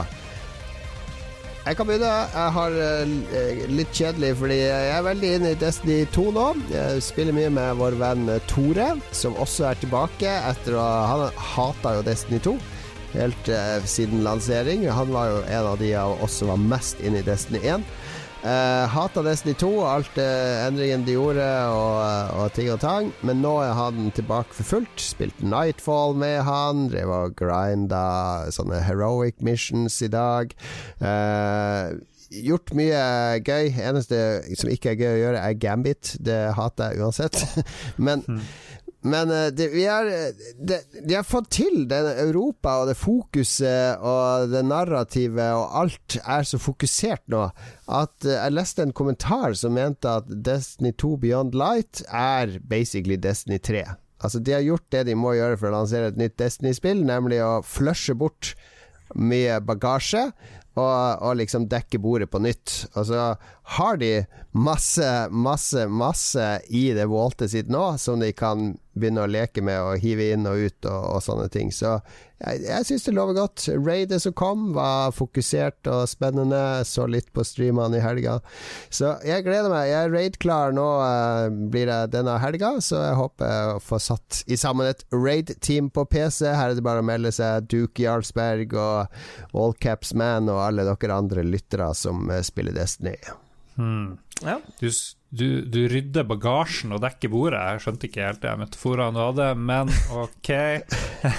jeg må innrømme, vi kan sikkert ta litt uh, Destiny-prat, siden vi alle vel kanskje har spilt det, uh, tror jeg. Ja. Nå har jeg faktisk prøvd det, spilte på Xbox Series X, og funker, går ikke så veldig bra på Xbox Series X. Hæ? Det er liksom det, det, det, er ikke noe 60 FPS, det er, det er ikke gjort noe som helst, What? bortsett fra at loadetiden er bra. Nei, jeg tror det er 12. desember, noe sånt, så skal det vel komme en patch. Da skal det liksom bli Uh, da er det ute av gratismåneden nå. Ah, ja. ok, det er ute av gratismåneden. Oh, ok, jeg må bare si jeg, jeg, spilte nok ikke under de beste omstendigheter, fordi jeg satt plagdes med å få lyden til å funke. Jeg måtte bruke app på mobilen, eh, Xbox-appen på mobilen, for å chatte med Ståle og, og Kobrakar eh, 84. Der, der, der vil jeg gjerne sleng, før du går videre, så vil jeg gjerne slenge ut kritikk til både Microsoft og Sony. Hvorfor i all verden går det ikke bare an til å legge en Discord på eh, konsollen? Kom igjen. Det hadde gjort det så absurd lett. Enig, enig, enig. Uh, lyden drev og datt ut hele tida. Den der Xbox-appen er søppel. Jeg hater den fordi mine Steel Series Pro og Steel Series Arctis 7 funker ikke med Xbox uh, ordentlig, har jeg Jesus funnet. Christ. I know. Men, kan... kan... ikke vi snakke om spillet i stedet for alle shortcomings Nei, tror, til disse, til disse konsollbøndene? Han bygger, han bygger opp. det er jo mange som er interessert i hvordan det her funker på next gen, og det, kort fortalt, det funker ikke så bra. Nei, jeg kjørte i gang og hadde en gjeng på øret hele tida. Ok, Lars, kom igjen, vi må komme deg ut av det der intromissionet. Så jeg bare moste gjennom det. Jeg fikk ikke med meg en drit, fordi det satt fem andre karer og prata i øret på ja, meg. Jeg fikk nu, ikke med noe som helst. Nå, hvis du spiller Destiny 2 som en helt ny spiller, så er det vel nytt, på en måte? Eller det er sånn eh, Ja, hvordan missions får du, liksom? Du bare begynner på Europa, og så skal du hjelpe befri han Varix, som er fanga. Ja, så du begynner der, på en sånn, måte? Ja, ja. ja okay. Så, så eh, ja, du er Stemmer ikke det. Europa eh, på verden, men, men på månen Europa. Ja, du, snakker, men, du, har egentlig spilt det vi har spilt, da? Lars? Jeg spilte det dere har spilt, så jeg begynte der. Og så må jeg si, det er jo litt kjedelig. Ok, du må dra dit, og så må du drepe, drepe 35 sånne uh, fallen, eller hva det er. Er det det artigste de klarer å presentere av missions i starten, liksom? Men det tar jo ti minutter. Ja, det tar ti minutter, men det er jo dritkjedelig for det, da. Driver og kjøre med speederbike frem og tilbake. Og så fikk du deg statis, du fikk prøve de stasis-evnene. Ja. Det var litt artig. Ja. Men jeg må si, jeg, jeg, fikk, jeg, jeg, fikk, ikke med meg et fnugg av historien. Men den er altså bra, liksom. Eh, er det du sier. Det, var, det, er jo bra til å være Destiny. Altså, jeg vet ikke hva du forventer av historie i et eh, actionspill, egentlig. Ja, du blir rørt til tårer. Jeg tror ikke Destiny er rette spillet. Nei, det er eh, det, Nei, der må du sikkert spille noe annet. Det kommer jo noen gamle venner og sånn etter hvert, som er litt Men, morsomt. um, ja, altså, det som var Jeg syns det var litt kult med Destiny 2-kampanjen, er at eh, for det første så visker de ut litt eh, For Fallen har jo hele tida vært sånne super-evil bad guys, men nå så dukker de opp. Du ser at ja, det er kanskje Fins noen snille der, liksom. Så Ja, ja, jeg syns det er og litt det de legger opp til nå, er jo at du må jo omfavne darkness Mm. også. Så at eh, nå er det ikke bare the light, det er ikke bare den der eh, hjernedøde religionen Du er ikke paladins lenger. Nå, nei, nå, nå må man liksom berøre det andre òg. Så de går mot en slags artig balanse der. Men det som er litt kult, er at det er ganske vanskelig. Har du spilt gjennom alle de oppdragene og tatt de her tre bossene og sånn? De bossene, bosskampene Mm, er jo dødskule. Det er jo raid-nivå nesten på de bosskampene. Og, eh, Han, sånn. han, han i midten, uten å røpe for mye, han bossen du tar i Ja. midten med ganske mye ads, han er intens. Ja, det er intenst. Krever en del eh, å komme gjennom de. Og så, eh, når vi har kommet gjennom det, så åpner det seg masse flere missions. Uh, og der er det sånn weekly mission som jeg og Tore tok sammen nå, da. Som er uh, basically Krota Husker dere Krota-raidet Ja, ja, i starten, når du måtte gå fra lys til lys Stemmer. og var bare trygg inn i lyset? Her er det sånn is. Så det er iskaldt, og så står du ved sånn bål. Altså, ja, ok, det er et bål der, vi må hoppe over noen plattformer, bort dit, Ja, drepe ja, noen karer. Og så hver gang du er borte fra bålet, så får du sånn her eh, kulde som teller opp. Når det kommer opp til ti, så begynner du å miste helse. Så det er å stresse fra bål til bål Det var sånn mini-raid, det missionet, rett og slett. eh, Ja, det, kult. det weekly missionet. Så Mm. de, de har Jeg syns de har eskalert mission-designet og level-designet på mange måter. Det er klart, du, kan, du må fortsatt drive og ta patruljer og dra rundt og ta 30 veks med en pulse rifles og sånne ting. Eh, men det er sånn som du Jeg husker når du spilte Destiny 1, Lars. Ja. Eh, vi, vi skulle samles og sånn, så får du Nei, nå er det bare kosespilling. Bare løper jeg rundt på Mars og plukker opp eh, litt mats. Og, Ja, og, ja, hvis man ikke klarer å komme inn i litt den sinnsstemninga igjen, så kanskje sliter man. Nei, jeg tror sånn- det var mer at jeg ikke klarte å fokusere helt på verden, og visste ikke helt hva jeg gjorde, og hvor jeg var, og sånn, og så tenkte jeg ok, nå skal jeg gjøre noe kult i det første oppdraget, men så var det det der liksom småkjedelige ting, men det er helt ok, jeg må komme inn i der. Men det var noen som sa at det er ikke noe vits å gjøre bounties lenger, det er kun hvis du har der Battle Pass-greier og litt sånne ting, for det, det tenkte jeg, å ja, er det ikke noe vits å ta bounties, da er jo halve spillet borte, liksom, eller. Eh, jo, eller det, det er jo ikke du, Når du leveler opp, så får du jo eh, Du får jo items i det season passet fra level 1 til 100. Så hvis du ikke har season pass, så får du ikke så mye Men rewards. det, fin, det fine med Season Pass er at du kan jo kjøpe det retroaktivt. For du får jo Det er vel to sånne Ja. linjer med ting. Du får gratistingene over, og så får du premietingene nede. Og hvis du ser at du begynner å komme litt opp i Season Passet, så kan du jo bare kjøpe det, og da vil du jo få alle tingene du allerede har tjent opp, men ikke fått. Mm. Ja, nei, for jeg har kun kjørt eh, hva det heter, GamePass uh, gratis. Det er gratis, versjon. gratis Haugen. Gratishaugen. Men det, det var veldig artig å, å springe rundt, hoppe, skyte. Det er jo deilig. Det er jo Ja, en deilig men det, det, det jeg stusser på at du har dårlige frames, fordi på PC-en min så har jeg sånn her eh, Det bare fosser over av frames, liksom. Jeg må sette på sånn begrensning på hvor mange frames jeg kan få, for det er så mange, liksom. Jeg har 100, 163 frames stabilt, liksom, fordi jeg kan ikke ha 165, for da kobler G-synken ut og litt sånn. Men ja, Jeg det, tipper spillet er låst til en sånn her 30 frames. det høres jo helt absurd Ja, det er ikke oppdatert ennå, det er det som er problemet. Ja, da må de skynde seg med det. Jeg kan jo dele Jeg kjører jo på Geni-skjerm, som er sånn her ultra widescreen 5140. Eh, så jeg får ikke så mye frames som Mats, for jeg må jo rendre litt mer. Men jeg ligger sånn rundt 80-90 frames eh, stabilt. Mm. Og det er jeg fornøyd med med så Ja, stor det er skjerm. det er jo og- dritbra. ja. Eh, Men det er, det er helt magisk å spille med så bred skjerm òg, fordi det er et av disse spillene som er optimalisert for ultra screen. Vil si at du har HUD-en i midten. De spillene som ikke er optimalisert for ultra widescreen, der putter de HUD-en og kartet og alt sånn ute i hjørnene. Og da får du jo whiplash for å sitte og vri hodet til høyre og venstre hele tida. Mens Ja. her er det liksom samla i midten, og så, men får du bare det ekstra synsfeltet. Og så tipper jeg det er nice å eh, suse rundt på speederbiken med Ja, det er så berusende. Herregud. Nice. All right. Ja. Nei, Flere ting vi eh, har spilla. Jeg har um, faktisk Jeg har spilt ett spill uh, siden sist. Jeg har ikke fått spilt så forferdelig mye. uh, men jeg har installert World of Warcraft.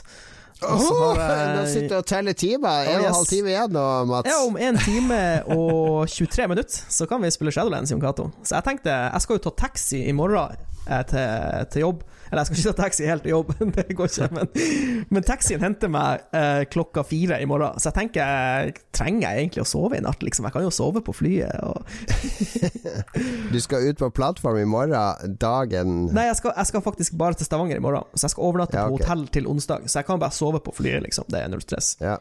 Men ja, um, jeg la inn World of Warcraft, og så har jeg gjort den der Du får en sånn liten pre-Shadowlands Questline i Ice Crown, hvor du skal finne ut hva som foregår, fordi han han Anduin har blitt kidnappa av noen sånne bad guys. Så dro han inn i The Shadowlands, og så skal du prøve å finne ut hva fersken som foregår. Og så konkluderer jeg vel bare med at ja, du får bare dra, og, dra dit og finne ut hva som skjer da. Men ja, jeg kjenner jeg er veldig, veldig klar for Shadowlands. Jeg har lyst til å bli mm. level 60, jeg har lyst til å velge Covenant og få nye Covenant abilities og holde på å styre her igjen. Jeg kjenner bare Gleder meg. Gleder meg til Mythics. Gleder meg til å queste. Ja, ja jeg er veldig klar. Ja. De har jo gjort om en del på spillet. Da. De har redusert level capen og ganske Det har vel aldri vært så mye endringer i World of Warcraft sånn, i ja, det, spillsystemet. Sånn, ja, det er ganske, ganske nytt spill. Og så blir det jo veldig Det virker som de har um, Jeg var litt bekymra, fordi du har jo fire sånne covenants du kan velge mellom. Eh, Necrolord og Kyrian og Nightfay og Ventyr. Alle har liksom en sånn tematikk. Du har liksom vampyrer og sånne skogfolket og de hellige ja, ja. krigerne osv. Og så videre. Og så var jeg litt bekymra for at uh, det kommer til å være et sånn balanseproblem, fordi når du velger en sånn covenant, så Uh, er det litt styr å bytte. Du kan bytte, du, blir, du, er ikke låst, men jeg tror du kan bare bytte én gang i uka, og så mister du litt sånne stæsj. Så jeg var litt bekymra for at det skulle være stort, uh, litt stort maktforhold mellom de. Men det virker, jeg har sett noen videoer på YouTube, det virker som det er høvelig bra balansert for de fleste klassene, så du kan liksom velge den du syns ser kulest ut med kulest abilities, uten å bekymre deg for å ta feil valg, på en måte. Og det, det liker vi. Veldig imponert da, at du klarer å huske navnene på sånne, sånn tullenavn, tullenavn. fra fantasyspill. Det, jeg, jeg, har noe sånn autisthjerne når det gjelder World of Warcraft. Jeg husker ting der av en eller annen grunn. Men ja, jeg, jeg, kjenner faktisk på meg at jeg gleder meg mye mer til Shadowlands enn jeg gjorde til den forrige expansion, den der Battle for Azeroth. Shadowlands tror jeg blir Jeg tror det blir en uh, banger av en uh, expansion, rett og slett. Game changer. På tide med å hive deg på wow, uh, Lars. Nei, fuck, fuck off. Jeg så uh, noen som drev, drev og levela opp, for du må jo levele fra 1 til 50 nå, er jo mm. den journeyen. At det går an å klare på under fem timer fra 1 til 50 med noen sånne mods og, ja, ja, ja. og hjelpemidler. Jo, men jeg, jeg, tror leveling experience fra 1 til 50 er ganske smooth nå, så det er jo egentlig et perfekt tidspunkt å begynne å spille Ole of Warcraft, Lars. Mm. Ok, mm. spennende. Jeg kan ta min andre ting som jeg har spilt. Jeg er litt tilbake i Flight Simulator nå. Jeg hadde litt pause en eh, stund. Eh, fordi For meg handler jo Flight Simulator mye om innlevelse. Altså, jeg har jo også drevet Jeg har ganske bra utstyr. Jeg har sånn yoke fra Honeycomb som jeg kjøpte da det kom, og noen rudders og en litt sånn trasig Logitech eh, throttle. Eh, men det gir veldig god innlevelse når du flyr Cesta og sånne ting, men ikke så bra når du flyr de større flyene, sånn som den nye Airbusen og sånn, som du mm. styrer med spake og rudder. Og der har jeg sikla litt på en sånn der eh, Airbus Commander Pack fra Thrustmaster, som liksom er sånn replika av de eh, instrumentene i Airbusen. Eh, altså sendte jeg en mail da til Nordic Game Supply, som lever, leverer de her, for de hadde jo ikke på lager eller noe som helst. Og da, det ble sånn skikkelig Mats Hansen. Da fikk jeg Ja, det, det skal vi kunne sende deg, Jon! så, så, jeg fikk de gratis, da, får jeg vel si for transparency, men jeg kobla de jo opp med en gang. Eh, fordi den nye Airbusen er jo uh, har en grå spake på venstresida, har piloten, og så er det sånn eh, throttle på høyresida og noen brytere. Så det er basically de to elementene. Da. Og de var, for det første var de litt mindre enn jeg trodde. Uh, jeg trodde de skulle være litt mer sånn større og massive, men de var ganske liten og nett. Uh, og så kommer du deg opp, og da, du får en så veldig god følelse når det er sånn én til én mellom det du ser i cockpiten og det du har foran, du, du liksom. har foran deg. Ja. Ja, ja. Så jeg tok av fra Gardermoen, fløy mot Kastrup. Uh, det er jo ikke Det som er litt kjedelig med å fly de ruteflyene, er jo at du driver ikke og styrer og svinger så mye sjøl ofte. Det er jo veldig ofte bare å slå på autopiloten. Altså, altså sitte og lese eller høre på podkast eller noe sånt. Kan du, kan du lande med autopilot? Må du gjøre noe som helst? Ja, du kan også lande med autopilot, du, ha sånn IFR-greier. Uh, det er litt morsommere å lande sjøl uh, føler på det. Så, uh, men uh, bra, bra, at de lager sånn replikautstyr til de. For jeg har jo også sånn Cytex som jeg bruker til Elite Dangerous. Og den er ikke så god å bruke. Når jeg prøvde å bruke den til de storflyene, så den er jo laga sånn at jeg skal ha spaken på høyresida og trottel mm. på venstresida. Og oppi hjernen min så er det bare Det ødelegger, fordi det er ikke sånn det ser ut i den cockpiten jeg sitter i. Så det er kanskje jeg som har, jeg har en eller annen hjerneskade her, men jeg må liksom ha det til å se ut. Altså, det jeg tar på og føler på og trykker på, må, må reflekteres i den cockpiten i det flyet jeg sitter i. Jeg skjønner. Jeg kan skyte inn uh, grunnversjonen av Elite Dangerous er faktisk gratis nå på Epic Game Store. Hvis noen ikke har prøvd det, så er det bare ja, det. kan du hente det gratis. Tips. Det, og det kommer en, eh, en, en, eh, spennende expansion til Elite Dangerous på nyåret, som jeg husker ikke hva den het. Men der du, det kommer sånn unfoot-greier. Ja, sånne shooter-elementer. Ja, ja, ja, ja, det er jeg spent på det. Jeg, jeg, liker de, jeg, liker at de, holder på. At de liksom Ja, at de fortsetter å utvikle spillet. Det er kult. Ja, ja, de må jo bare gjøre det, så lenge folk sitter og venter på han Chris. Uh, Star Citizen. Star Citizen, så er det oh, bedre bare å levere en opplevelse som fungerer jevnt og trutt. Herregud, holy shit. Ok, Supraland står det her, Lars. Skal du avslutte med det? Ja, vi trenger ikke si så mye om det. Du har jo skrytt veldig av Supraland. Få høre åssen du spilte der. Ja, så hadde jeg ring, Mamma var på øret, og så ringte jeg her, og så slo stereoanlegget seg av, og så var det Du liker ikke at jeg deler ting uh, annet enn fakta, liksom? Ja, ja.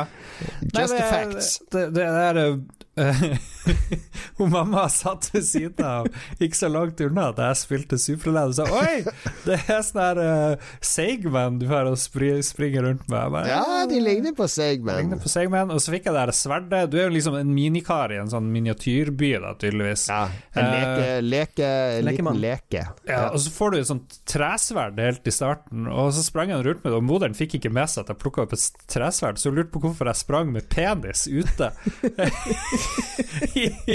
er, det, er det penis, det der på venstresida av skjermen? det er tydeligvis venstrehendt, han der Seigbarn, så han går rundt med sverdet der. Så nei, mamma, det er ikke penis. Det er, det er et sverd. sverd er jo et symbol. Ja, jeg har bare spilt en times tid, men det virker utrolig sjarmerende. Masse puzzles du må klare i en liten sjarmerende verden. Uh, mye logikk og litt sånn hopping og spretting som virker litt sånn unøyaktig. Jeg vet ikke, det er, liksom, det er veldig floaty hele driten uh, når du fyker rundt der, men det er vel kanskje meninga, fordi jeg har fått triple jump nå nettopp, og da fikk jeg melding at jeg kan hoppe rundt hjørner og sånne ting, og det virker jo litt yeah. gøy, da. Det er litt meninga, fordi det er sånn Metroidvania-spill der du får powers hele tida, så at uh, mm du går fra å være litt sånn treig og, og ja. inhabil til å mestre veldig mye. Ja. Uh, nå har jeg aldri spilt Minecraft, men er det sånn Minecraft ser ut, uh, ish, liksom, nesten? Et sånn kryss midt på skjermen, og så ser alt veldig weird ut. Jeg har ikke, jeg har ikke spilt Superland, så jeg vet ikke om det ligner på Minecraft. Uh, nei, det ligner jo ikke veldig, men jeg bare tenkte at det var liksom samme perspektiv, nesten. Men uansett. Uh, Utrolig gøy spill. Skal ikke si så mye mer enn det. Jeg gleder meg til å spille mer. Hvor kan vi spille Superland? Gamepass. It's free, baby. Ja, så har det vært på Steam i flere år. Jeg snakka jo om det på Lolbua ja, jeg vet du, jeg sa fjor. at du har snakka om det. Ja, ja, ja, ja. Alltid først! det er sånn der Tourette. Det er sånn der spasme. Da er det Må si det! Jeg spilte det først!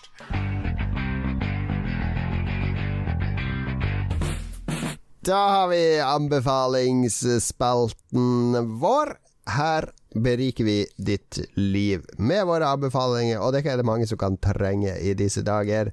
Korona har vært rekordhøyt i Norge de siste dager. Du skal ut og fly nå, Mats. Er ja. du ikke nervøs? Jeg skal på jobb. Nei, jeg kjører maske. Jeg, jeg, jeg, kjører, um, jeg kjører hardcore maskeopplegg. Jeg har Kjører sånn Jason-maske Nei, men altså, jeg, jeg, jeg, vet ikke hvordan folk gjør det nå, men tidligere så gikk jo, tar jo folk på seg maske bare når de skal om bord på flyet. Men jeg, i morgen så skal jeg på meg maska fra jeg setter meg inn i flytaxien til jeg er framme i Stavanger. Skal jeg ha på meg maska. Ja. Så jeg er ikke noe halvveis uh, her. Selv, selv, hvis du sitter og venter i en halvtime langt unna alle andre, sitter du med maske da? Ja. Ja, ok. Ja. Greit. Ja, etter hvert så glemmer man jo av den maska, det har jeg også merka. Du, du blir vant til det. Du blir vant til den, eh, men har du blitt men, så vant til den at du har eh, glemt å ta den av deg når du skal drikke kaffe eller spise? Jeg har faktisk klart å unngå det. Men eh, som sagt, ja. akkurat de flyetappene er ikke så skumle, fordi fly, flyene er ikke, er ikke fullpakka nå. Så jeg tror nesten alle gangene jeg har flydd i det siste, så har jeg sittet alene på rada mi. Så jeg føler liksom at flyene er helt Så lenge de ikke er helt fullstappa, så føler jeg meg ganske safe. Mm. Bør vi ja. håpe at masse flyselskap går konkurs, og så bare slutter folk å fly når korona er over, og så sparer vi litt. Trenger, trenger ikke dra så mye. Jeg skjønner tenk, ikke hvordan du skal fly hele tida. Tenk hvor eksotisk det blir å dra til USA og sånn, hvis du ikke kan fly. Du må ta båt, liksom. ja, ja, ja, tenk hvor mye bedre det er. Jeg var i Amerika! Det tok seks måneder! ja, jeg har ikke flydd på siden august i fjor. Jo, men folk, folk flyr mindre nå. Ja. Det er mye ja. mindre folk på flyene nå. Det er ikke noe ja, ja, de, Jeg vil jo ikke at alle de her folka som jobber der, skal vise de jobbene sine, men det er jo ikke bærekraftig heller, den fly, all den flyinga. Du, du, du ser litt nå, liksom, hvor hvor uh, tynn noen aksjer er, liksom, hotell, hele hotellnæringa og alt det der. Det er, liksom, ja. det er ikke mye som skal til før det begynner å rakne uh, fullstendig. Så det er litt uh, fascinerende. Ja, ja. Uh, ja, uh, hvorfor kom vi inn på det? jeg husker ikke. vi skulle anbefale noe Du skulle ikke anbefale å bruke maske, eller det anbefaler vi alle sammen. Bruk mm. maske og ta ansvar og antibac og sånne ting. Uh, men Lars, du er sammen med fått deg samisk kjæreste, så det blir litt sånn samiske anbefalinger av og til. Ja nå skal jeg anbefale en artist som heter Nilas. Nilas med to i-er. Jeg trodde jo han var sånn her kongesamisk, fordi det var jo kjæresten min som anbefalte det. Nilas. Jeg vil tro det. Nilas. Det vil jeg si. Nilas, sier du det også, Nilas. Nilas. Nilas. Ja, jeg tror det er noe sånt. Men han er jo eh, født i Bergen, eh, eller noe sånt. Eller kanskje det er bakvendt. Kanskje det er Salin.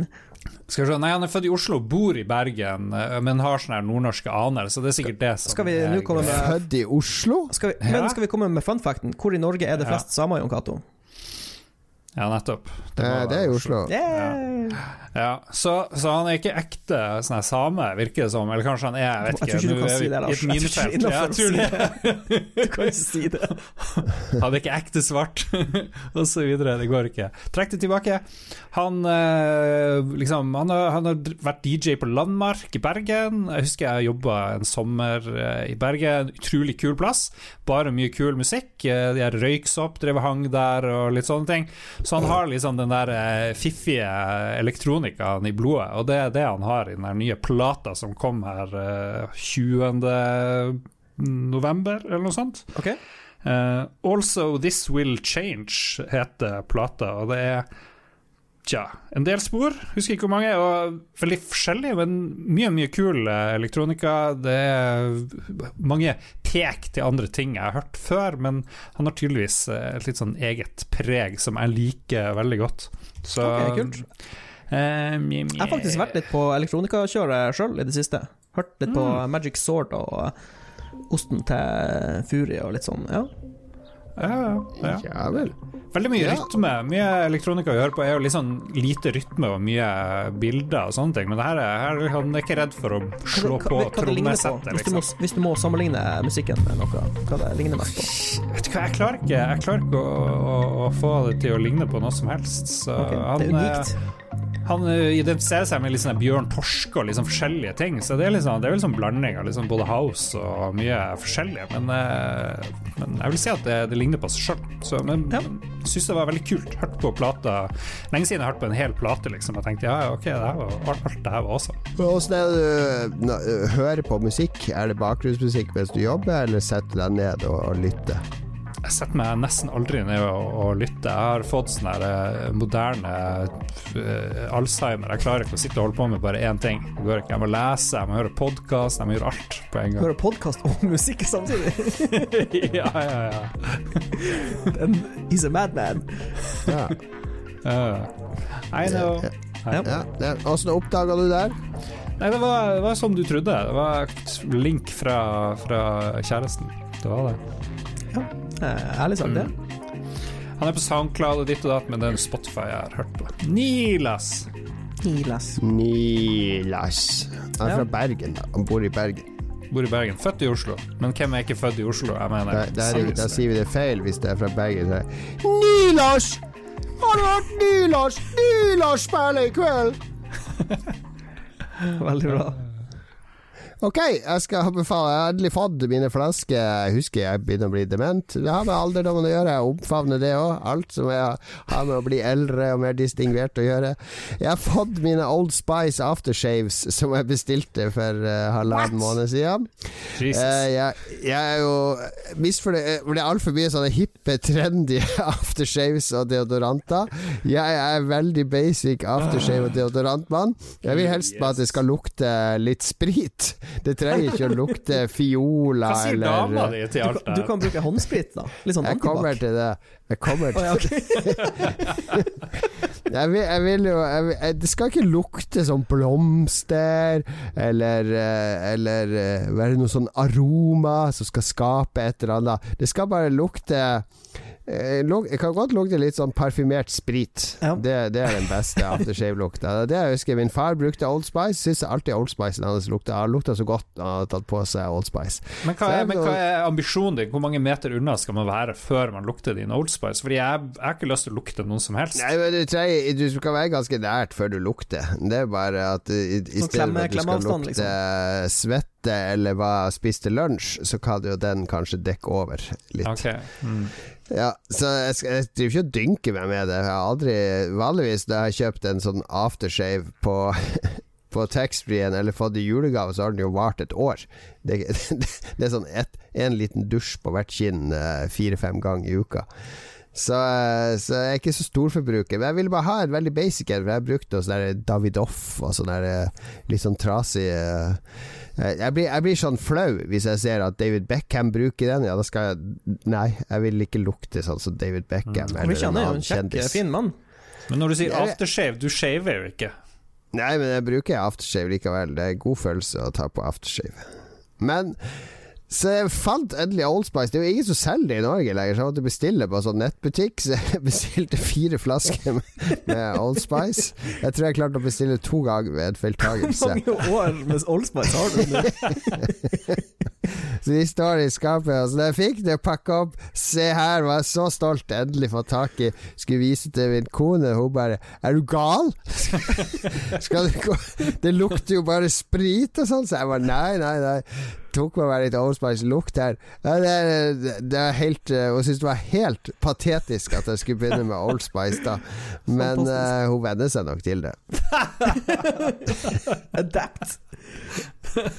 Hun blir ikke ja, å gå for, fra du var fornøyd med det, produktet liksom. du fikk levert? Det var Ja, og, og, og, altså jeg blir sånn der eh, jeg blir, Hvis det er for fin sånn der flaske Det skal være sånn der glassflaske med masse sånne former og farger og sånn Det, det syns jeg er flaut. Jeg skal bare ha den basic Den der hvite krukka. Det er det Allspicen er. Eh, og nå er det, det er sånn dusj så der du trykker opp av Det var jeg ikke helt fornøyd med, for det min pappa hadde, var jo bare sånn åpent hull på toppen. Så skulle du helle litt over i handa, og så klappe de sammen, og så gjøre sånn som han eh, i eh, Home Alone. Kalken.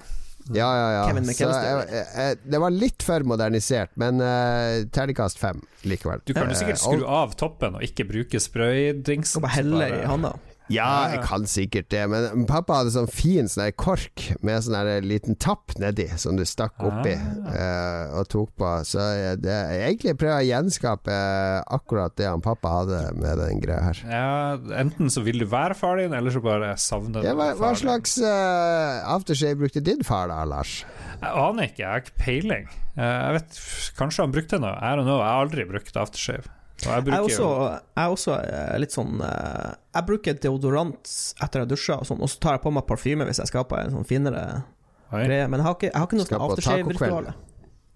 Tacokveld, Taco er det fint nok til at du Nei. må ha på aftershave? Det må, det må dukke opp noen mennesker som eh, det er sjelden jeg møter, hvis jeg skal ta på meg Ja, det parfyme. motsatte kjønn helst da, Ja, ja. Noen pene mennesker. Ja. Jesus. Ja, nei, jeg bruker aftershave nesten hver dag.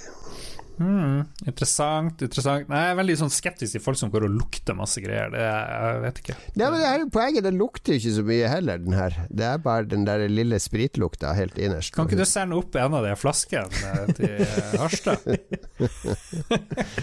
vi får se, vi får se. Hello, ladies. Look at your man. Now back to me. Now back at your man. Now back to me. Sadly, he isn't me. But if he stopped using lady scented body wash and switched to Old Spice, he could smell like he's me. Look down. Back up. Where are you? You're on a boat with the man your man could smell like. What's in your hand? Back at me. I have it. It's an oyster with two tickets to that thing you love. Look again. The tickets are now diamond. Anything is possible when your man smells like Old Spice and not a lady. I'm on a horse. Mats? Ja. Jeg har uh, solid anbefaling. Uh, noe så enkelt som en film som heter Prospect fra 2018. Uh, det er um, en uh, Gullgraving. Uh, ja, du er ikke så langt unna, Lars. det er en science fiction-film. Um, veldig sånn her hard sci-fi slash low-tech slash retro-tech.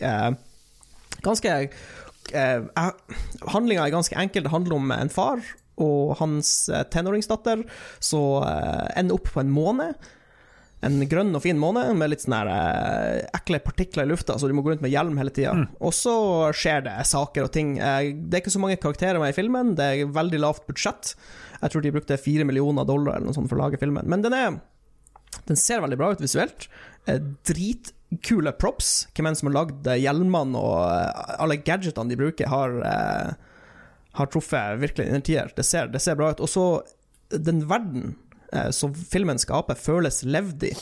Eh, de lykkes liksom veldig i å lage eh, et univers så du føler at folk lever i. Liksom. Alt ser brukt ut, alt er liksom slitt, og ting, øde, ting liksom ødelegges hele tida, og alt fungerer ikke. Det er liksom ikke sånne glansende fine ting. Og, ja, nei, jeg syns bare jeg, Det resonnerte veldig med meg, rett og slett. Jeg likte den veldig mm. godt. Ja. Okay.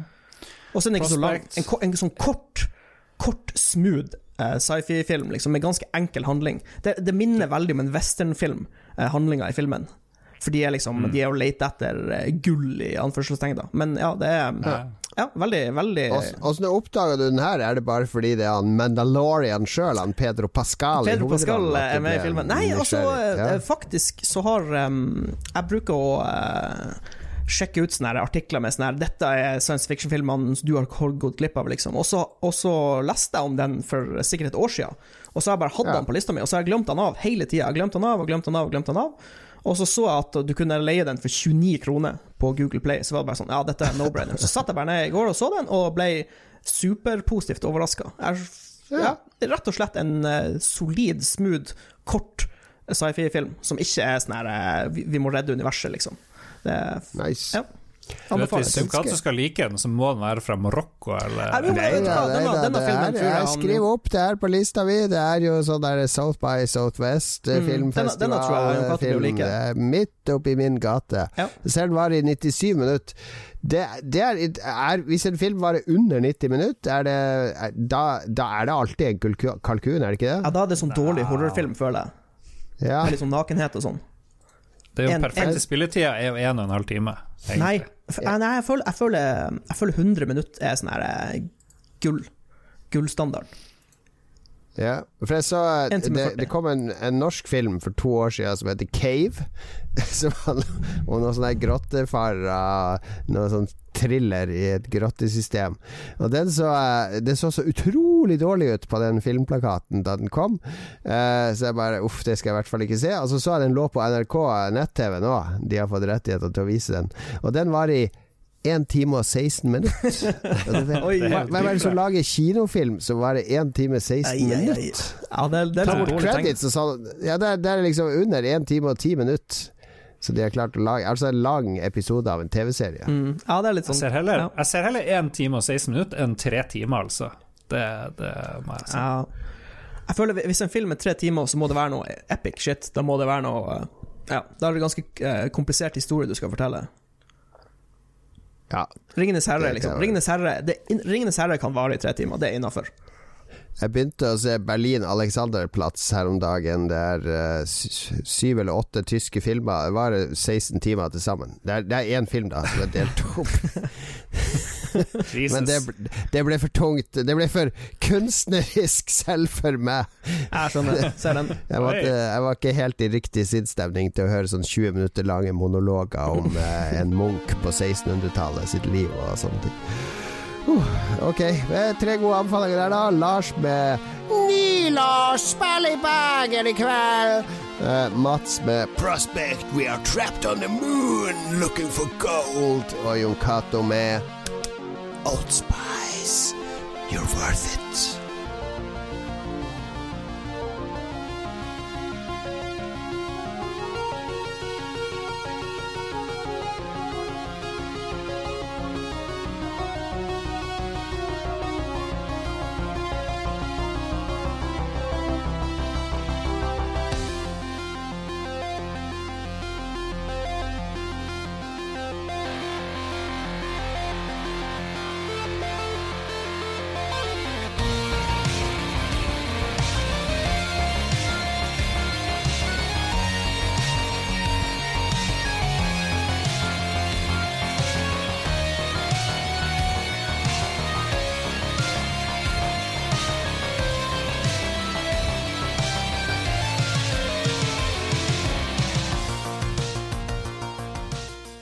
Hola baluba, karer. Lytterspalten. Vi er straks i havn. Vi har, jo, vi har jo vært oppe på to timer nå de siste episodene. Jeg vet ikke om folk gidder å høre alt.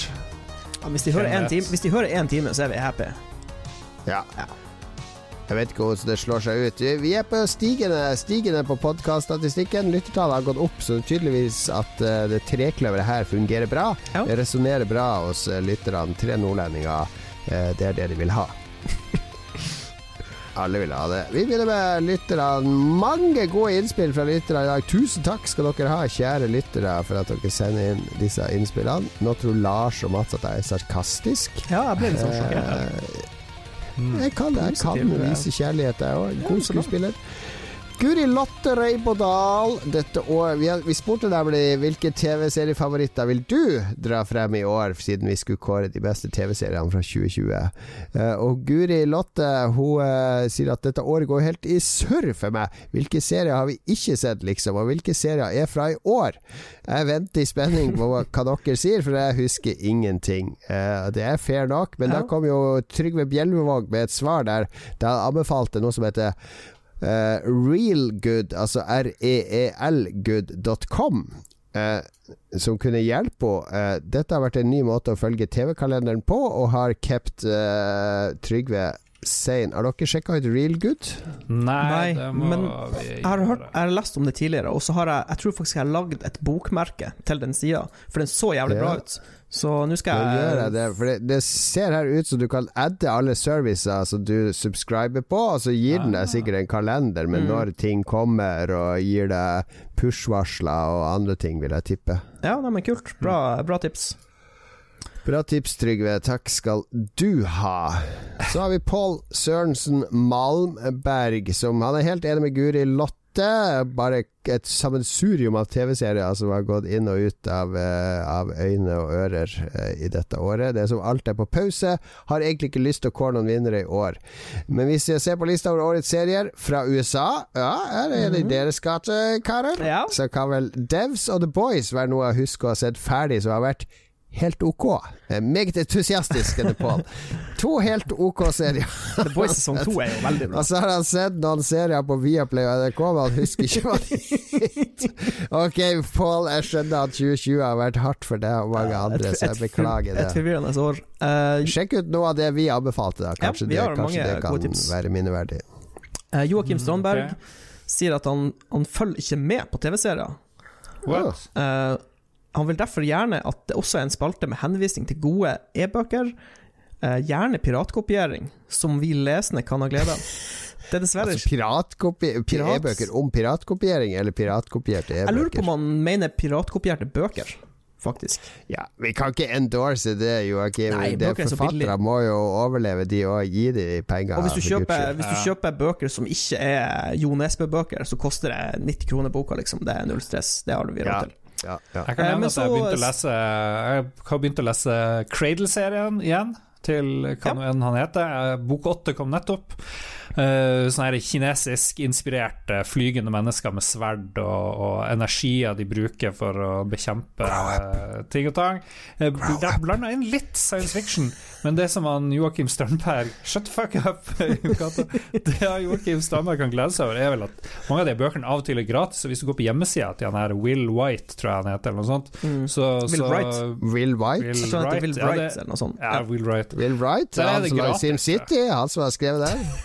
ja, det er han. Han, Ah, ja. eh, han Joakim Sandberg kan jo også få med seg episoden hvor vi snakker om de beste bøkene eh, fra 2020. Ja, han, han sier at han er i den minoriteten av de som velger å lese boka i stedet for å bare se filmen, og føler at det er en forsvinnende liten minoritet. Mm. men mener at de skal kjempe seg tilbake når FN og USAs president Al Gore innfører skjermtid for alle.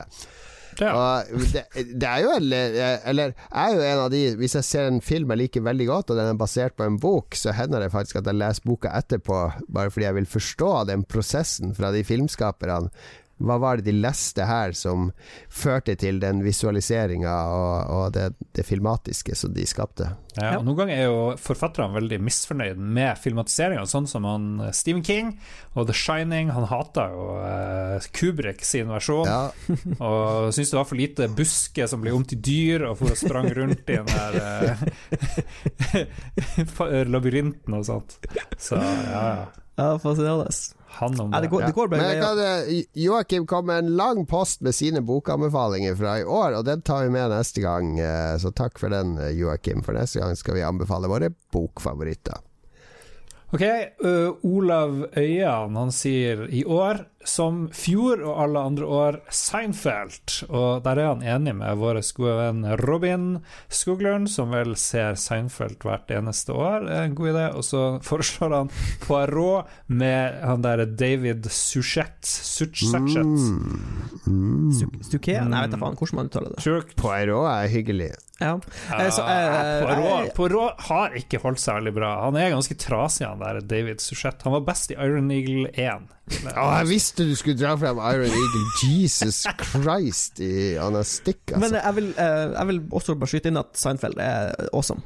Og Seinfeld holder seg bra. Du kan se Seinfeld. det er det, og jeg er litt skuffa at ingen av oss dro fram i oppsummeringa fra i år eh, Curb Your Enthusiasm sesong 10. Den, den har jeg faktisk sett, og den eh, den er god. Den tar eh, Weinstein og tar og behandler masse, masse aktuelle temaer fra i dag. Ja, men altså, TV-året 2020 er jo stekt. Det er jo sinnssykt mye bra, liksom. Ja. Så det er vanskelig å bare glemte vi, eh, vi glemte CSI Miami, vi glemte CSI NSI. Jesus Christ. Ok, vi, vi moser på. Håkon Puntervold, eh, Cobra Kai. Han trodde det bare skulle være Trip Down Memory Lane med litt referanser til den første Karate-filmen, men det var mye mer enn det. Og der vil jeg si meg ganske enig. Det Det var mye mer. Det var også referanser til Karate Kid 2 og 3. Og 3. Nei, men det var en trivelig Det var sånn Det er sånn feel good TV, liksom. Det er bare Feel good TV. Jeg er helt enig. Ja. Ja, har, har du sett alt? Alt som er Kobra Kai? Nei, vet du hva, jeg har bare sett den første sesongen, og så holder jeg på med sesong to, så jeg henger litt igjen. Men jeg, jeg liker det. Jeg syns det er trivelig. Rasmus Pevik, Yellowstone. Kevin Costner leve- leverer i nymoderne westernstil. Har kommet tre sesonger, da, men begynte å se i år. Aldri hørt om. Aldri hørt om. Yellowstone. nei. Dette må undersøkes. Det er jo, det er jo en nasjonalpark. Det er jo ikke noen TV-serie. Herregud. Det er, tror jeg Rasmus Pevik, som by the way er et åpenbart alias. eh, Det er bare tull. Driver og troller oss. Godt forsøk. Rasmus. Ser lovende ut, det der. Uh, skal vi se at uh, tipper i hvert fall Mats kommer til å sette Ja. den på sin Jeg skal, eh, jeg skal hotlist. sjekke jeg, skal, jeg lover jeg skal sjekke ut Yellowstone. Jeg elsker westerngreier, så dette er dette er Takk for meg. tips, mm. Rasmus. Ja. Martin Pettersen, hva er de beste TV-minnene fra deres barndom? Altså ikke barne-TV. Uh, ja, ok. Sjøl har han mange gode minner med Fleksnes, Fredrikssons fabrikk, Ah. Allo Allo, eh, som han så som unge med, sammen med bestemora si. Good times. Ah. Eh, vet du hva? Hallo, hallo. Det første, det første som så hoppa inn i hodet mitt, var faktisk eh, når X-Files eh, begynte å gå på TV2. det var liksom sinnssykt. Herregud, så ung du er, da! jo, men herregud, det er jo det var, det var Jeg husker jeg gikk på Dette var da vi bodde i Stavanger. Eh, det var vel når jeg hadde akkurat begynt på ungdomsskolen, tror jeg. Så begynte X-Files å gå på TV2, og det var dritkult. ja. Uh, Reise-TV med Erik Diesen var jo stor favoritt i min barndom. Jeg ville jo bli Erik Diesen og reise, stort sett fordi jeg likte det der uh, Epcot og han er i Disney World og sånn der, og det var, det var, så magisk. Du må huske, det var jo som å bo i, i Bosnia i Norge på 80-tallet. Det var liksom ikke noe verden Nå får du klage fra våre bosniske lyttere, Lars, må du slutte. Det eneste du adopterte fra Erik Diesen, det var drikkinga hans. Nei da, nå var jeg stygg. Han var, var visst glad i å ta seg et glass vin på de reisene, har jeg hørt. Jeg skjønner ikke hva du snakker om. Jeg, jeg, var veldig glad i et program som heter Beat for beat, bilde for bilde, med Roald Øyen. For det var to sånne lag, A, lag A og lag B, eller deltakere A og B. Og så skulle de vise Delte som bilde i et sånt rutenett. Og så viste de som bit for bit av bildet. Så skulle du trykke på knappen hvis du så hva det var. Kunne det være sånn nærbilde av en fugl eller et egg eller noe sånt. Og så trykker på knappen, og da var alltid sånn kul stemme sånn A, A, A, A, A, A, A. Eller B, B, B, B, B, B, B. Og jeg synes ja, den, den, de to lydeffektene der var så utrolig kule. Jeg likte Trim for eldre, var en stor favoritt der. ja, ja, ja. Oh boy. Altså, altså, noe som jeg ble skikkelig redd av, var jo selvfølgelig den serien Malstrøm, som når oh. jeg gikk på ungdomsskolen. En påskekrimmen Malstrøm, som var en sånn var egentlig BBC-produksjon, faktisk, men det var filma i Norge. Eh, mm. Med en sånn arv og et sånn hus på en øy med noe sånn maleri i, og sånn rom med masse dukker. Ja, og det porselensdukke. Ja, det var så guffen. Tror, det ligger på, eh, på NRK-appen, mm. så det kan jeg anbefale et gjensyn med. Uh. Ok, Hans Joakim Strandberg har svart der med at, uh, at uh, Fredrikssons Fabrikk vekka Cougar-listen i meg allerede i ung alder. Knallserie med flotte kvinnfolk bak symaskinene og en kommunal leder i det private næringsliv. Nei, for faen, Fredrikssons Fabrikk var taske. Det syns jeg var en god oppsummering fra Joakim. Fantastisk, fantastisk. Husker la, Nå gutta, nå googler vi Fredriksson fabrikk. Bildesøk. Og så får vi opp bildet med disse fire damene. Det er jo da Elsa Lystad, eh, Kirsti Sparbo, Aud Schønemann og Britt Elisabeth Haagensli. Så ja, hvem velger du å gifte deg med her, eh, Lars? Uh, jeg tar henne litt tjukk, hun er ikke gode runder. Hun så litt Og Britt sånn- Elisabeth? Ja, uh, ja. Hun, hun, hun, er mest veldig... ungdommelig på mitt, mitt nivå. Liksom. Ja, ser litt koselig ut. La, Mats, hvem går du for her? Uh, jeg tror jeg tar uh, Tar henne Det var veldig ekstremt. Vi snakker ikke om å voldta noen, vi snakker om å gifte oss. Jeg vet ikke hvem det er. Hvem er hun som har det korte håret? Schønemann. Kirsti Sparbo, hun blonde. Ja, eller hun har sånn sølvgrått hår. Eller, ja, det er jo Kirsti ja, nei, nei, hun heter Anne Marie Fredriksen eller noe sånt, tror jeg hun heter. Ja, vi sier, vi sier det. Fy faen. Eller, jeg, synes, jeg mener, kort hår kan være ganske hot, folkens. Anne Marie Ottersen. Anne Marie Ottersen, ja. Jeg liker kort hår, nice. Jeg vet hva du blir å velge, Jon Cato. Det er jo mora til Fleksnes. jeg går for Aud Schønemann, hun er jo kjempeartig. Man skal jo, man skal jo le. Jeg, jeg, tenker ikke som dere, at man bare skal drive og, og, pumpe på i senga. Uh, jeg tenker på at man skal ha et godt uh, liv sammen. det tror jeg hun Aud Schønemann er best. Jeg tror også, hun er den som kommer med frokost. Og, ja, ja, ja. ja, ja. Og så blir, blir vekt av moderen til Fleksnes med frokost på senga. Åh, åh, magisk, magisk. Takk for bra innspill, Martin og Joakim her. Okay, Hans GM anbefaler Helvete-serien og Unorthodox. ja, det, den ja, den NRK, den Helvete-serien. Den dokumentaren på NRK, ja. Er det black metal-greia, eller? Ja, ja, ja, Jeg har ikke fått sett den ennå. Jeg henger så etter. Eh, beklager, Hans. Jeg sa jeg skulle se den, men, jeg vært, eh, men den, seriøst, jeg skal se den for året omme. Hva er det unorthodox Det er uh, sånn uh, serie om uh, Ja, Netflix-serie om uh, jødesamfunnet Jesus. der borte. Fått veldig gode anmeldelser av det nå. Ja. Ternekast fire, P3 Filmpolitiet. Ja, men herregud og fader. Du skal ikke, du er, slutt å late som du er ung. P3 er ikke for deg lenger, eh, Lars. Gå på Morgenbladet og les anmeldelsene der. Jeg får helst mine filmanbefalinger fra barne-TV. Fra Supernytt. Han, eh, Stein Pedersen sier at uh, The Queen's Gambit er årets. Uh, ganske enig der. Uh, Colombo og Yes Prime Minister er greatest of all time. Der er vel Cato enig med i hvert fall halvparten. Yes Prime Minister husker jeg også fra barndommen av, for det var altså noe foreldre vi brukte å se på. Der, der sleit jeg med å skjønne humoren. Ja, ja. Colombo. Vi så Colombo på hytteturen. Det holdt Ja, seg det ble en bra. episode i Colombo Det er artig. More med William. Shatner som, eh, som Ja. en forfengelig TV-detektiv som, eh, som eh, som selvfølgelig Colombo klarte å presse inn i et hjørne og knekke til slutt. Mm. Eh, og for de som lurer på Stein Pedersen, ja, han er gammel. Det ser vi fra anbefalingen. Raymond Ekas Caspersen, topp nye serier fra i år. Gangs of London, Lovecraft Country har vi jo ikke nevnt. så Jeg har ikke sett den. Jeg har ikke sett datt den. av Jeg etter har et par sett. episoder. Har ikke sett den, så jeg kan ikke ikke si Jon Cato, du elsker jo boka. Var det Eller gjorde du Jeg har ikke sett den ennå. Jeg har jeg, Hver gang jeg ser TV, så er det sammen med kona mi, og det er, eh, er sci-fi og horror er ikke The Mixen. Den rette Nei, så jeg må liksom vente til hun er på sjukehus eller noe sånt. Jesus Christ. Eller bort- Eller bortreist. Eller bortreist.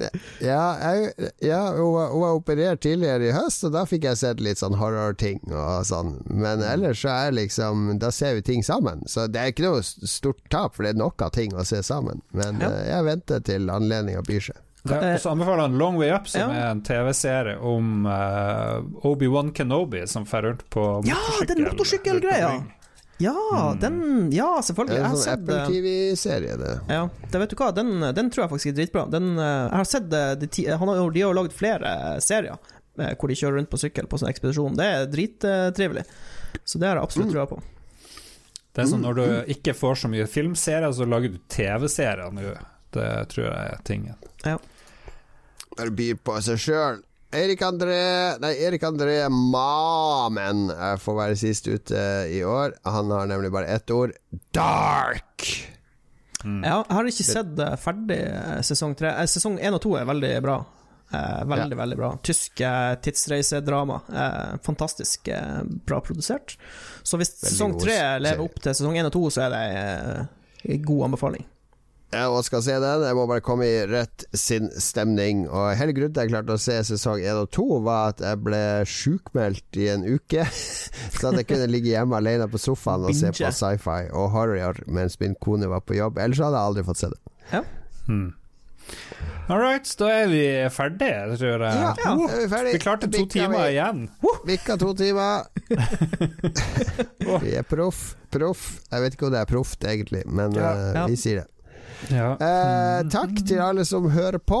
Husk å sjekke innom eh, på Twitch på fredag. Da blir det både standup med Jostein og DJ fra meg. Da blir det show. Yep. Ja. Show på Hvor, Twitch. eh, er du i Stavanger på onsdag, så kom til hotell Eh, Quality Airport Hotel. Quality Airport Hotel og si hei til Mats. Eh, Bare si fra i resepsjonen at du skal prate med Mats, så får de han ned. Eh, og Lars, hvor kan folk møte deg denne uka? Jeg skal legges inn på voksenpsykiatrisk for utredning. Bare, jeg tror barnepsykiatrisk er det du Barnepsyki- havner. Jeg skal prøve å snike meg inn på barnepsykiatrisk hotell for å lære hva ungdommen eh, Hvordan de snakker. Det det Ja. jeg gjøre. Det høres ut som en bra plan. Vi er tilbake neste uke. Takk til alle som støtter oss på Patrion. Uh, har vi fått ganske mange støttespillere i det siste. Og vi har bestilt gave til alle som er på swapper-nivå, altså 20 dollar og over. Så der, eh, hvis du også vil ha det til jul, så gå på lol, pa, Patreon.com slash lolbua. Og hvem er det som er de eh, ivrigste støttespillerne der, Lars? Der er selvfølgelig Kobrakar84, som jeg har spilt med her om dagen. TTM-eksempel, Rolf Helge Øvergård, Ingebrigtsen, Anne-Beth, Duke Jarlsberg og Jarle Pedersen, All Hail You og alle som støtter oss på Patrion. All hail. Til helga så kommer vel ny Roffelbua. Jeg tror den er ferdig klippet av han Ja. Ståle Baldwinson. Og så kommer det som en ekstra bonus til Patrion, så kommer det DJ-settet ditt fra uh, påskefjellet, skal jeg si. Hytteturen. Tre timer med, med awesome mix fra JC. Herregud. Ja, det, det er mye som dukker opp der for de som støtter oss der. Så har vi to andre podkaster, Spillrevyen og Ragequit i egne feeds, så sjekk ut de òg hvis du liker spillnyheter, eller hvis du liker eh, søringer som, som leker edgelords. Veldig, jeg syns ja, det, jeg jeg det var en veldig trivelig episode når du var med, Jon Cato. Jeg hørte gjennom den. Det var eh, morsomt. Ja, ja, Ståle syns det var mye bedre av meg som gjest enn Lars. Jeg, Jeg hørte det det jævlig mye baksnakking. What the fuck? Du ble backstabba hardt der, Lars. Syns det Jeg mistenker at det var kun sucking of ass fra Ståle. Hørte dere hvor ordentlig og kjedelig han var i den episoden? Det, det var nok det jeg var med. Da, var, da våkna han til live.